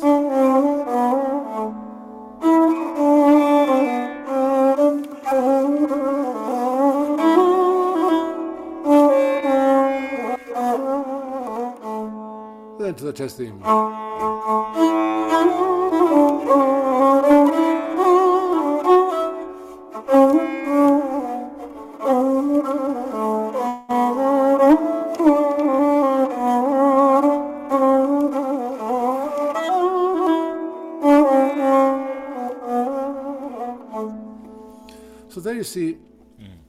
Within those three Hanes and the Teslim, how he's taken something which really starts from this very, very basic.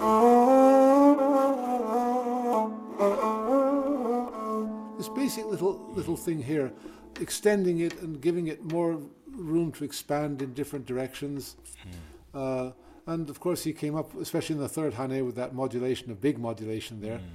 Um, I mean, that's definitely something which, if you listen to that uh, and you you learn this uh, that modulation, how he did that, uh, you could definitely find a way in your own taksim, for example, to to incorporate a modulation of, the, of that type into, say, you're doing a ras taksim, you suddenly throw in that uh, that bit of nevaushak there or something like that. Very, very uh, Yeah. and you learn how to do that through the composition, through that melody in the composition. Or, uh, you know, it's a different. If somebody says to you, "Okay, this is Rast," they play that major scale. They say, "This is Suzinak." They just flatten the mi. Okay. So what do you do with that? You don't really know what to do with that. but if you know that his modulation in the second Hane is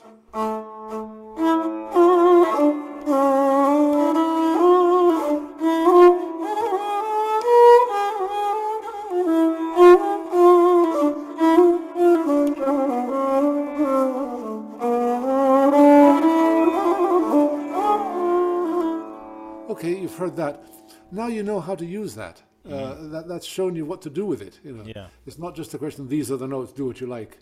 Uh, this is this is this is what it should sound like. This is the feeling in it. Interesting. And that The- the note- master, uh, Sorry, yes, same ahead. it's the same thing for seeing the sheet music. Yes, If we don't understanding like phrases that are Yes. coming together, maybe interacting together, uh, it's maybe difficult to memorize, difficult to to comprehend the relationship between notes because these are not notes; these are phrases, characters, phrases, yes, yeah. archetypes. yes. Yeah. Mm. Um, you know, let's say that you Hmm. want to read a sentence in a Mm. piece, you know, a, a, in in a book. You, Hmm. you read a sentence and you want to remember that sentence. Yeah. Okay, you remember it as a sentence. You don't remember individual words, which are then jumbled up, and you have to remember each individual word. It doesn't make sense. That Uh, Yeah. you remember the sentence because you remember the meaning, Mm. Yeah. and um, you remember the phrase here because you remember the feeling of it. You remember the, the sound of it and how the whole thing is, how it works as a whole entity, not just as individual notes. Mhm. So that's why the phrasing is particularly important in this particular type of music, Mm. is that it gives you a sense of, of whole sentences, of whole musical statements, uh, if you will. Um, And now uh, that that you have more demonst- accessible. Yeah. yeah, now that you have demonstrated the rest, where we call this a basit makam, Yes. a uh-huh. simple makam. Yes. Yes. See how much how much richness are there. Oh yes. yeah. uh, yeah, maybe maybe we compare this with uh, a, a compound makam. Uh, Okay. soon. But before that, Yes. I, I like the, the way you demonstrated a Rast in a scale and then a Suzinak in a scale. yes. Is it possible to demonstrate a Huzam in a scale? No. No. Uh, Why Huzam- why not? Well, because there's so much overlapping within the same area of, of Huzam that it would be practically impossible to call it a scale. Hmm. So let's let's see. that the very basic material of Huzam is this. We start on the note Sega.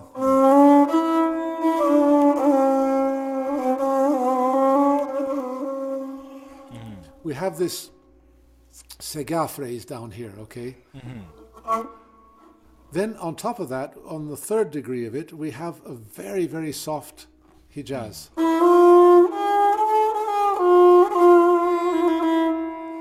It's not. It's.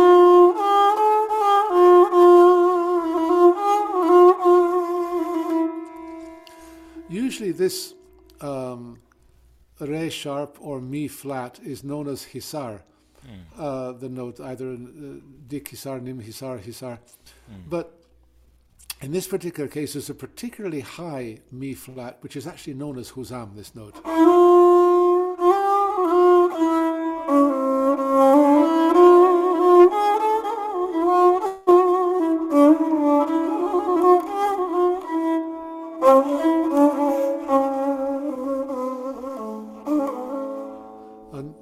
Final note is here on this sega note. Now, um, there are some people who say that in uh, Huzam you should avoid the La sharp as much as possible.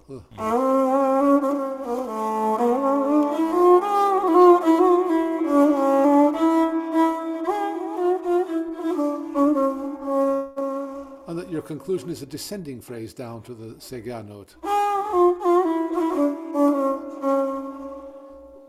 And of course, you can use the lasher.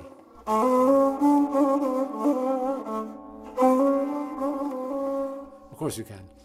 But some people say that it's better to avoid that la sharp as much as you can to give it a more clear huzam flavor and less of a sega. Okay. Um, I'm not sure that I entirely agree with that, but anyway. But what, what we do have, however, is a lot of sega phrasing inside of, of, of huzam. We can even use what's called the eksik sega phrasing, which is using the fa natural.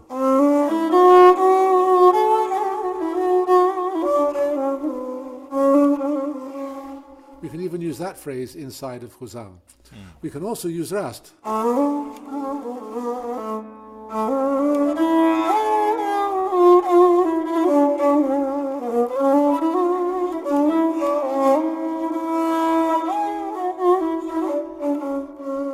So we can use down here rast. We also have, um, when we go up, we, we use the, the C, the note C, uh, as a flat. So we're doing like Humayun, a very soft Humayun from Re.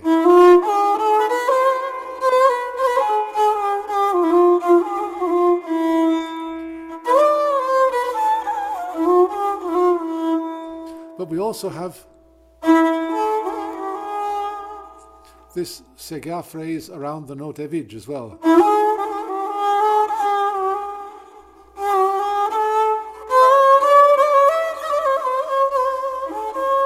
Sega in the top on the octave.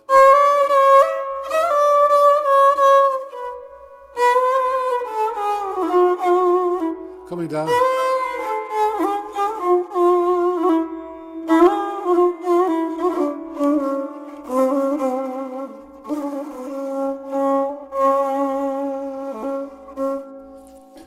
Have all of this stuff going on in that area there.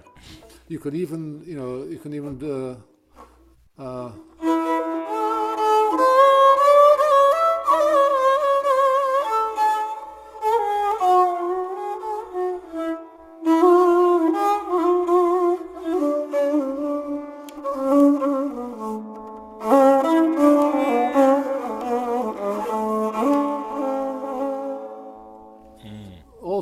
things going on in this, this same area. They all overlap.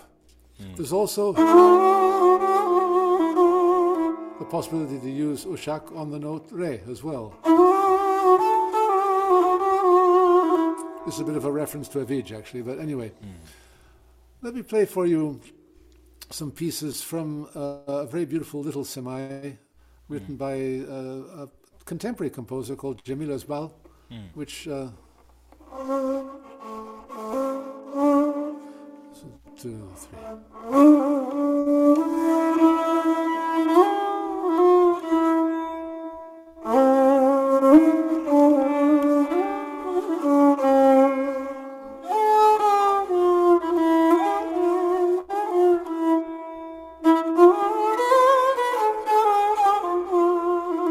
First Hane, very, very clear mm. Huzam material. Then mm-hmm. Teslim.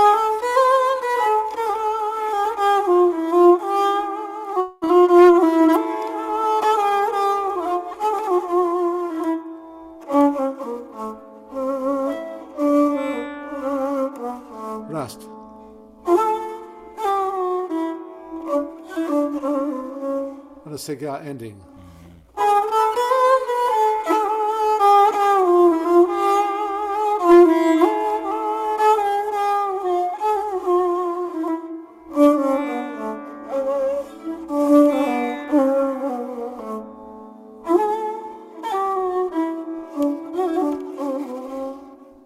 Then goes the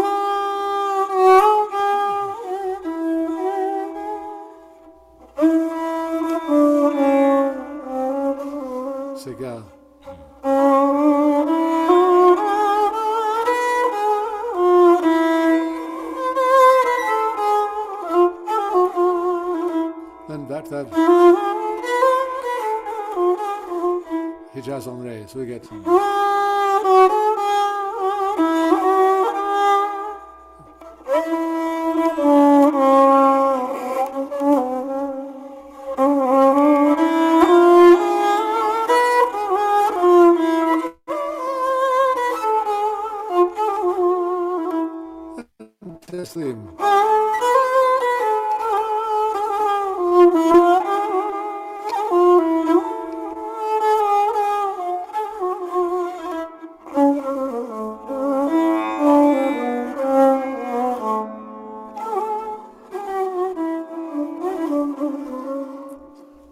The, octave now.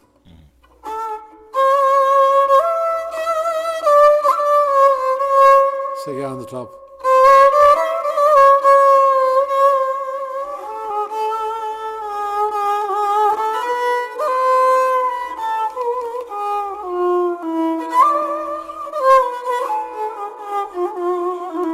So he started off with um, up on the top there.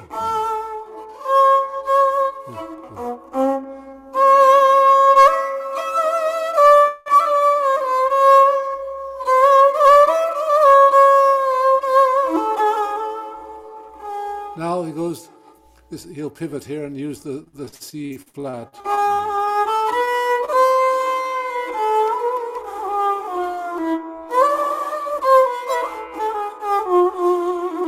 Descending to the Hijaz on Re. Hmm. Then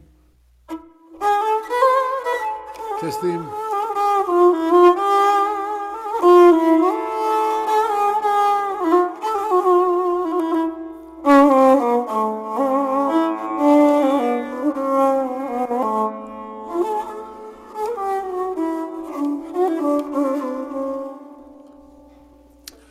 fourth Hane, he doesn't actually do any major module. It's, it's a basic, just a change of rhythm.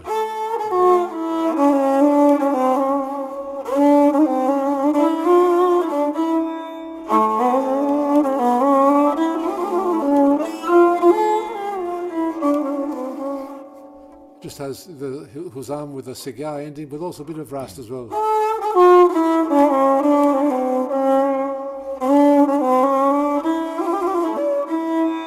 Here's the Rast.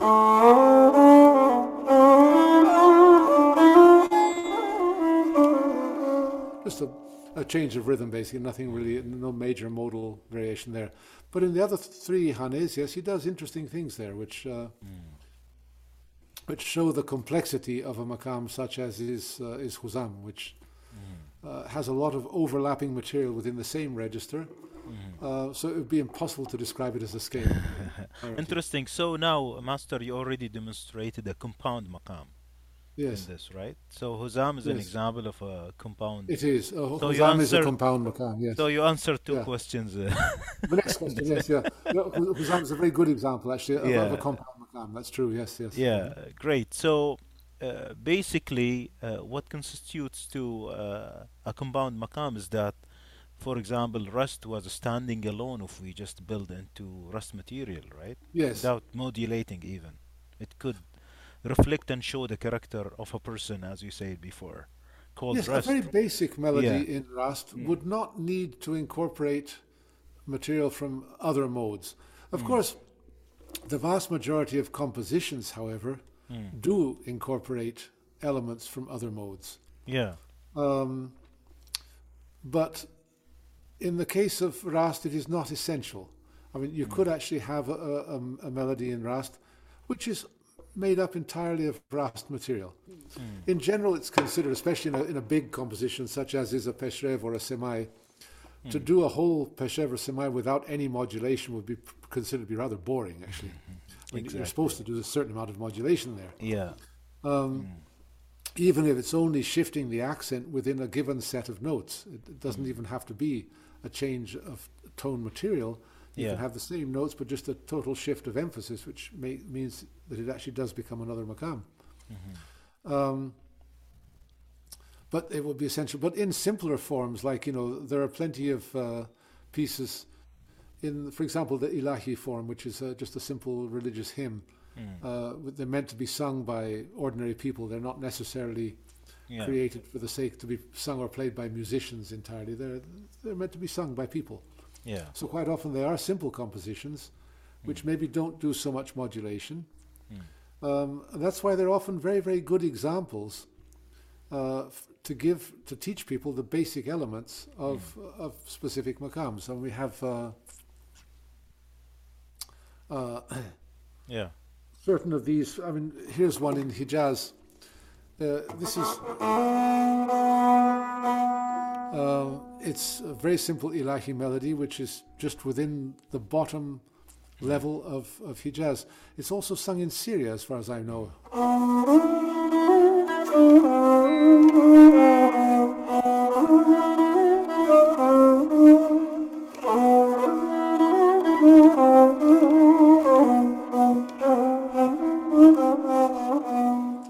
That's the whole piece. That's it. It just gets repeated over and over again with different lyrics. Yeah. Yeah. It's very simple. It doesn't do anything other than Hijaz, it, but it's it's very beautiful and it's it's very useful actually. To, and if I want to tell somebody what is Hijaz, I can play that little melody for them, and it's very helpful for them to understand what Hijaz is uh, i- on a very basic level. Yeah. Yeah. Just for a distinction between what is a basic versus a compound makam, Yes. removing the confusion of modulation. So Yes. why do we call some as compound? Because they need to have some other flavors together, like a recipe, right? Yes. Like um, uh, by a chef. He said, yes. if you want this is a good recipe, we call it Huzam. Exactly, exactly, yes.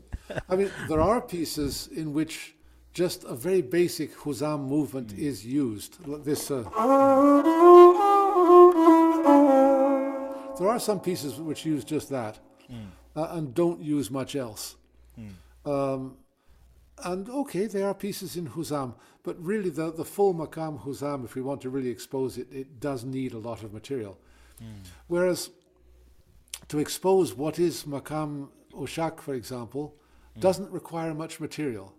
And in, in many cases, in the case of, of Oshak, for example, mm-hmm. when you go beyond its fourth degree, Yeah. you're really moving into the area of other makams, basically. Mm-hmm. Uh, and f- for the Turkish system, at least, uh, the distinction between, should we say, Ushak and Bayati is very fine. Um,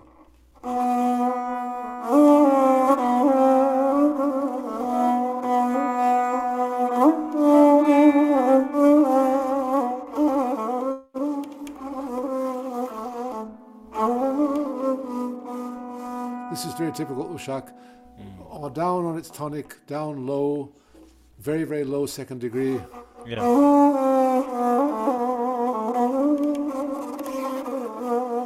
Stop on its leading tone.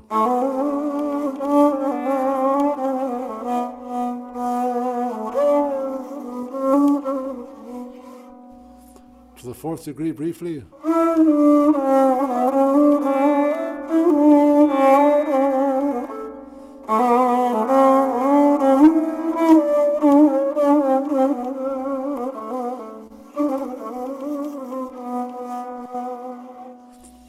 That's very typical Ushak. Bayati would be more accenting the fourth degree.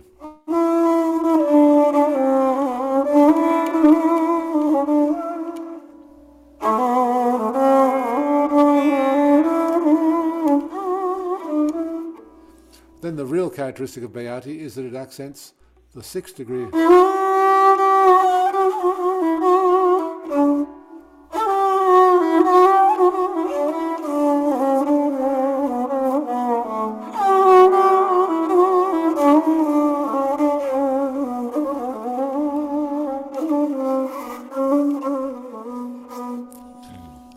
Accenting of the sixth degree, that note fa, ajem as we call it, this is very, very important to Bayati. So Bayati needs a lot of this triangle between fa, re, do.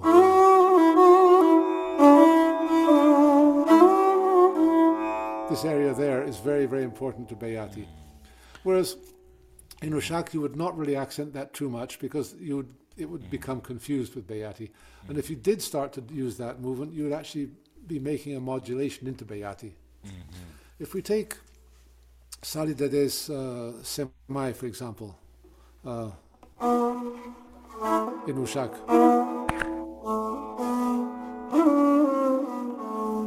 straight down to the Rast. See,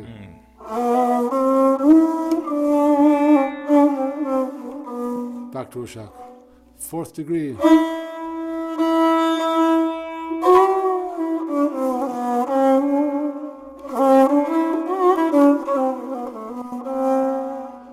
On that seguiano it's important for, for Ushak. Yeah.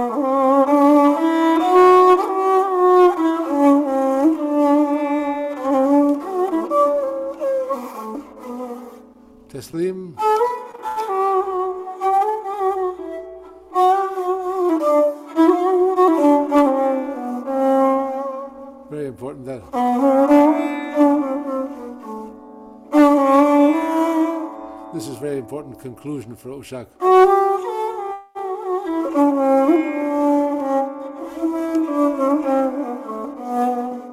That there. So then he goes, now he goes the second Hane.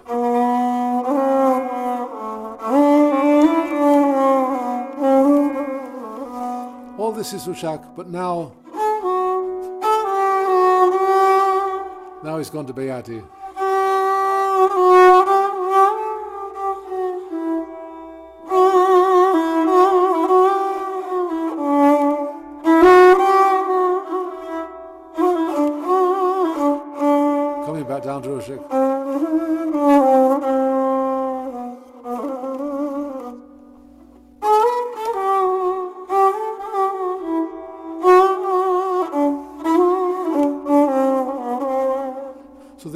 Shows you is that just that one note, that one accent there, everything down here in the second Hane was all Ushak.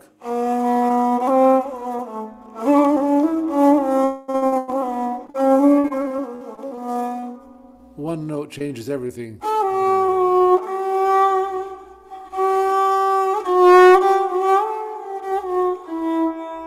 Re, do,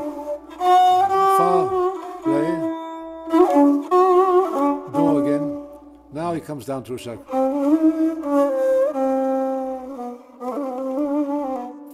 So what happens there is um, he goes up, he accents the fa, then he starts working with that fa, re, do triangle. Which is the, the characteristic element of Bayati, for the Turkish Bayati at any rate, yeah. Interesting. So The Arabic uh, one is rather yeah. closer to Arushak, but anyway, yeah. yeah. Yeah. So, Yeah. Master, do you think Bayati is a basic makam or a compound makam? Well, uh, I would. I, I think it's both actually. In the Arabic tradition, it seems to be closer to a basic makam, whereas in the Turkish tradition, I would say it's more of a compound makam, Mm-hmm. and that uh, our equivalent to your bayati is arushak probably. Yeah, Yeah. And it's just a slight difference in terminology, which which of course happens all the time. This is normal. Yeah. yeah. And the reason is that it, it requires a lot of flavors for the Bayati, the Turkish Bayati. Yes, Yeah. it really to requires this. Uh, Yeah. yes, it requires this movement around the note ajem, the, the the sixth degree, the the fa note is very very important. Mm-hmm. uh, it requires that triangle fa re do re fa re do. This this is very very important also to it, and it also uh, okay. Not all pieces do this, but a vast majority of pieces will also include an element of hijaz on the fourth degree. But I believe that that's also true of the Arabic. Uh, um, the Arabic bayati, it will also do that very frequently. It's Yeah. not an absolute essential, but it's very, very commonly done. It's a very Yeah. important movement. I- It would depend on the region too. Like in Egypt, Yeah. they, they like the Hijaz in the upper side for Rast Yeah, and, and Yes. Bayati and always have Huzam most of the time rather than Siga. So yeah, yeah. uh, it depends, yeah. Uh, this is really wonderful. I mean, I, I like the way you simplify things. Now, how many how many makams do we have in the model of the Well, phrasing? Practically. um, practically, uh, well, I haven't taken the trouble to really count them, but let's put it this way. Um, in historical treatises, Hmm. the number of makams is said to extend to something to the order of 800 or something like that. Hmm. Uh, that's what I'm told. Of course, uh, very few of these are actually in current use. Many of them, there are many makams which historically existed but which are not in use today. Um, it's said that uh, at one time in history, that musicians were offered a prize of money for creating a new maqam, and they would have to create a, a Peshrevan the Semai, and then you know, okay. So at that particular, it's supposedly Selim the Third is the person who did this. Hmm. Uh, clever idea actually, because it does en- encourage people to really sort of test their creative skill and can can we Mm. create something new. Yeah. Uh, as far as I know, Sultan Selim himself created 11 new maqams himself, Mm. uh, of which several are in use today, actually. Mm. So what happens is that of all these hundreds of maqams that must have been created at that particular time, some of them were just, you know, somebody just took an existing maqam, changed one note here in, in one phrase, and so this is a new maqam. Okay. Um, maqams like that didn't actually survive. They didn't, there was no continuation to them. Nobody Mm. composed anything else. I mean, there's just the original composition, that's it. Mhm. Uh, whereas other maqams which are created uh, at certain times, especially at that time or in other times following that in history, Mm. they they gained, uh, you know, people liked those maqams and new Mm. composers composed new things in that maqam, and so they developed a repertoire. Mm. And they did actually have a reason to exist. They weren't just one little modulation within an already existing maqam. Mm. So, what did happen was that many knew what you referred to previously as recipes, which I completely agree with that description. Mhm. Um, many new recipes did appear, Mhm. which people found to be interesting. Not all of them were interesting, of course. Some of them were, uh, well, no, okay, but, you know, um, sometimes you have to create a lot of things for two or three or four or five things of interest to actually appear. You have to Mhm. create maybe a hundred. Yeah. So that's that's what happened. Um, so today, let's say that there are approximately hundred makams in existence today, which Mhm. it is possible to hear. Mhm. Of these hundred makams, fifty of them would be, uh, you know, you'd have a, a chance of hearing them on maybe a few occasions. Mhm. Of these, twenty-five are quite frequently used, yeah, Mm. and you know, very commonly encountered. Of these, maybe half of them Mm. are encountered on an almost everyday basis. Mm. Yeah. So I Interesting. think this is a very rough estimation, of course, it's not at all Mm. accurate, but anyway. But Mm. that gives you an idea that there's, you know, there's certain maqams which are every day you're going to hear Hijaz and Nushak and Husseini and uh, Nihavend and things like that, yes. Mm. Whereas you're not going to hear Dil Keshide so often, Mm. and you're certainly not going to hear Guldeste very often either. That, that, Mm. That's, that's a rather rare one that people don't tend to use, even though it's a very beautiful one actually. Mm. But um, it's not all that commonly used. Uh, and then there are other maqams, like, you know, sort of, uh, I don't know, well, the one I referred to previously, Maveraunnehir, it exists. there are very few compositions in it. You may hear it once in 10 years, you know, that's Yeah. about it. yeah, if, you, if that. Uh, Yeah. mm. any Um, any intentions of uh, creating any makams, master? Uh, well, I, I have created a couple actually, yeah. Um, I'm sure about something that. which is not really so difficult to do. Yeah. uh, as one might imagine. What I did do Mm. was I made a combination of an Indian raga known as Multani, Mm. which is something which doesn't actually exist in the. I mean, it looks like Neveser from Dugah. Here's Neveser.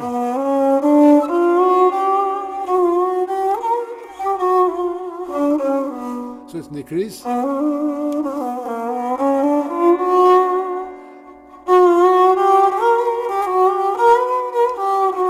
Hijaz on top of that. Okay, Now fully flatten the second degree and you get what's called multani in, in Hindustani.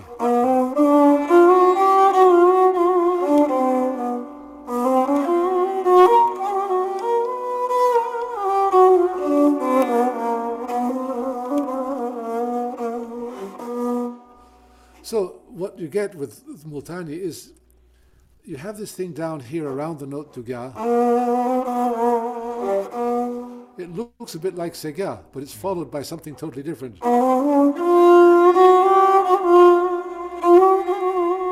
That also looks like sega. That's its concluding phrase. So I combined it with Saba Zemzeme, which is.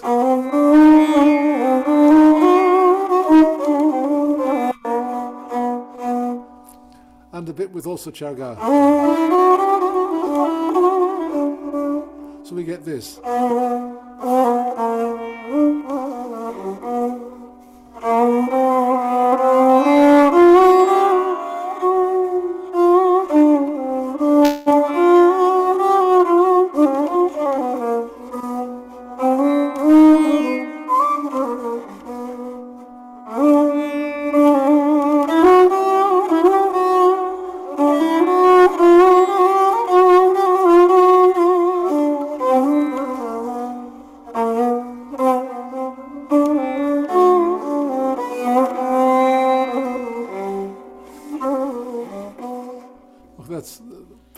The, semai which I've written in that makam. Mhm. So it's yeah, it's something which didn't pre-exist. It's of course relying on pre-existing material. It's just a, a new recipe of Yeah. existing. I thought it really is really. Interesting. And Is any this, new uh, makam is going to be uh, it's going to be a new recipe of existing material. It's not going to be a completely new creation out of nothing. No. Yeah, for sure. And uh, is this recording available online? Uh, I haven't recorded it. No, Mm. actually, I have it uh, planned for a concert on the second of April, Mhm. uh, w- which we'll do here, and which we will actually record it, so it'll Mhm. it'll be available soon. Wonderful. Wonderful. Looking forward to it actually. Yeah. Uh, Master, this is really great. Uh, I think we have uh, touched into uh, many important discussion points here. Let's conclude by asking about the extension of this idea to the usuls. Usuls, usuls are very very important, um, Mm. And the fact that there is less emphasis today in the educational system Mm. in Turkey, for example, where the, you know there's the very large number of usuls. Mm. Um, the usuls were the backbone of the compositions. Mm. Uh, you know, if you listen to the, uh, uh, especially some of the phrasing in uh, Semai and, and Peshrev especially, Mm. you can see some enormously long phrases. Uh, I mean, I cannot think of another uh, genre of music in which we have such long phrases which don't lose their balance and don't lose their energy. It's a Mm. difficult thing to do, actually, to create these very long melodies. Because Mm. usually when you try and create a very long melody, uh, you need something to support it. Otherwise, it'll just sort of collapse. It'll just sort of start going back on itself. And it, it, uh, it's difficult to maintain the Mm. momentum, the energy, and the balance necessary to create these very, very long melodies. Mhm. And this is something which I believe, at least uh, I think other people would agree with this. This is the result of the uh, the usul uh, as a percussion pattern, not Mm. just a rhythm like four four or six four or something. No, it's it's a whole big rhythmic phrase, Uh, and this is what gives the backbone to Mm. these very long and quite intricate and difficult melodies. Mm. Interesting enough, I was recently reading a paper written by somebody about uh, the the composer of the 14th century, Abdul Qadir Meragi, Mhm. who was from what is today Meraga, which is in Azerbaijan. Mm. Um, he's a musician. It's difficult to say is he of the Persian tradition, is he of the Turkish tradition, is he of which tradition? It's from a time when the distinction was not all that clear between all of those different things. Yeah. So he he was a court musician um, uh, in various different locations, including even as far afield as Afghanistan, apparently. Mhm. Um, Yeah. And he was very creative, and he was a wonderful composer. And it's described that uh, his new composition was actually an usul. Mm. the composition was described. He said, "I've created this new usul, basically this new rhythmic pattern, and on that he composes a new melody and a new Mm. a new piece." Mhm. So even somebody at that time in history is using the usul as his blueprint for his composition. This is this is what he works with. This is the skeleton on which he works, Mhm. and this is what's going to give it its structure. Mhm. Um, and I do believe that that's, that makes sense because I don't think that the people who were composing this music in, uh, in these early times, that they were sitting down at a desk with a pen and paper, now I'm going to compose a piece of music and things. No, I Mm. think that many of these compositions developed as extended improvisations on rhythmic patterns, which they also say that uh, in older times that the study of usuls constituted the majority of the time invested by a musician in, in his study. They would Mm. study for hours and hours, beating these usuls on their legs, you know, to, Mm. um, and reciting the syllables and learning them to such a degree that this thing was just completely digested and Mm. they could improvise and hear the usul in their head as they went along and this would Mm. give a structure to their improvisation Mhm. and these would gradually crystallize Mhm. into um, into compositions Yeah. which would then be remembered and handed down Mhm.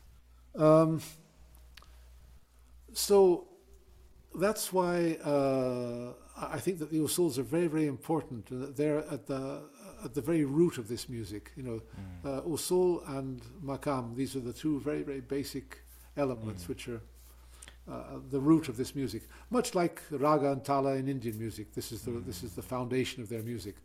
Yeah. Uh, in equal measure, I would say. Mhm. Uh, and I would say the same thing uh, concerning the usul, uh, and even the, um, you know, the together with the usul, we also have the syllables of the poetry and things like Mhm. that, which is very, very important Mm. uh, in because many of these uh, forms are actually song forms. So the uh, Mm. the intersection of the usul with the the syllables used for the creation of the meters of poetry. th- These are very, Mhm. very important details. I think. Yeah. So then we you encourage the or maybe you also perceive uh, the phrasing of the usul itself to to see how Yes. it stands out and how do they relate to each other and so on. Yes. And maybe with this we can emphasize into bringing uh, new forms and a new a new structure for compositions rather than sticking Yes. to few few some, right? Yes, um, you know, the creation of a new usul is always possible. Of course, I mean, Mm. this is, uh, I mean, uh, the, you can always come up with new rhythmic patterns, Mm. um, and which can form the foundation of a composition. Mhm. Uh, and of course, there is a huge number of them, uh, Mhm. many of which are no longer used, which is a bit sad actually, because I Mm. mean, I'm sure there's a lot you can do with them. Mhm. So, on the one hand, we can be creating new ones. On the other hand, we can be reviving old ones which have fallen into disuse, unfortunately. Mhm. Uh, Yeah. And both of these tools could be used to enrich and to broaden the, the horizon of the music. Yes. Mm, Interesting. So I would like to hit into what you said, learning and digesting. Yes. Yeah, and especially that we are talking about comprehending such repertoire for somebody to utilize and maybe create. Yes. Yeah, learning process versus digestion and yeah. Exactly. Mm, Well, it, continuing from what we were discussing mm, about usul previously, mm, um, there's a particular type of 9-8 rhythm used here in Greece. It's the Zeybek rhythm. It's Mm. very, very similar to the Zeybek rhythm used in Turkey. It's a bit different. I mean, this is an idiom which started in what is today Turkey and moved to Greece at the beginning of the 20th century. yeah. um, and it's sort of developed sort of its own way ever since. Ever since. So there's a very specific rhythm called the Zeybek rhythm here in Greece, mhm, uh, which is it's a type of slow nine eight or nine four, some people call it. Yeah. Um, and I have a very good friend who used to work in uh, in bouzouki clubs for many many years, where this rhythm is played over and over again every night. You know, mm, so he spent years and years. Uh, playing this particular rhythm every night in, in the bouzouki clubs where he used to work and things like that. mhm, Um, and one day uh, I was just at his house and he was just sitting there with his instrument, improvising on this 9 8 rhythm and doing all sorts of quite complicated things, but always being exactly right within that rhythm. mm, And at one point he stopped and said, you know, I've listened to this rhythm so much during my life, and I've played it for so many years, every night, every night, that I can improvise in this rhythm, and uh, uh, not only do I not go out of it, but I cannot go out of it. it it's so deeply ingrained in me. and this this was interesting for Mm. me because this is, I'm sure, what the experience of people was like uh, in previous times. The experience of Usul was like that. That it was so deeply ingrained in them. This is this is the digestion I'm talking about, where it becomes very much. You don't even have to think about it. It's there and it's working inside you, and everything you do is working with it. Yeah, and so, so this is uh, this is the depth of knowledge necessary to unlock the creative process, in my view. Uh, when you're having to think about it, it's not going to work. Thinking is much too slow for music. Uh, like that. Yeah. music happens at a speed, at a different speed, uh, and so you can only really be effective in music when you're working with things you've fully digested, and it just comes out naturally. Uh, If you're having to think it through and things like that, it's too slow. it's not going to work. Yes. Yeah. Interesting. Uh, Ross, this was another great interview that we have enjoyed. Let me just conclude with the last question. What are Yes, you up course. to nowadays? Let's talk What am I up to? Yes. yeah, what's Well- happening next? Well, uh, we're finally coming back to the organization of live events at the Musical Workshop Labyrinth, Mm-hmm. uh, which for me is is a great joy, of course. We have uh, now at the beginning of at the end of March and the beginning of February, we have uh, we'll be doing six seminars live uh, in Archanes, uh, which is just next to Houdetsi, here on Crete, um, which will be seminars of. Uh, I'll be doing one myself. Also, Kelly Thoma will be doing one with with lyra. Mm. Also, Yasamin Shah Hosseini will do one with the Iranian style of oud playing. Mm. Yorgos will do one uh, for the Cretan lauto and Cretan repertoire in general. Charis Lambrakis will be doing one about rhythmic improvisation. Mm. Um, and Pedram Khavarzamini will be doing uh, Iranian percussion, tombak primarily. Mm. Uh, so these are the seminars we have coming up. Uh, together with um, a series of concerts featuring all these different musicians. Mm. Uh, incidentally, this year, uh, 2022, is Labyrinth Musical Workshop's 40th birthday. We started in Mm. 1982, you know, our Wow. very humble beginnings. Yes. Um, so it's now 40 years since then, and so we're celebrating that. Mhm. So we have a lot planned for the coming summer, but not just the summer, because Mm. uh, we will have a new building in Mm. In our, our hometown, so to speak, Mhm. uh, in which we will have the ability to conduct seminars all year round. So we will do that for sure. Because up until now, we had to rely on the school building of the village, which was only available for two months every summer. Mm. Excuse me. Um, Mm. and uh, so we will now have this new building, which will enable us to to do seminars all summer, uh, all year round. Mhm. So we intend to do that, and together with the seminars, of course, concerts as well. Uh, and uh, so we're coming back to live activities Mm.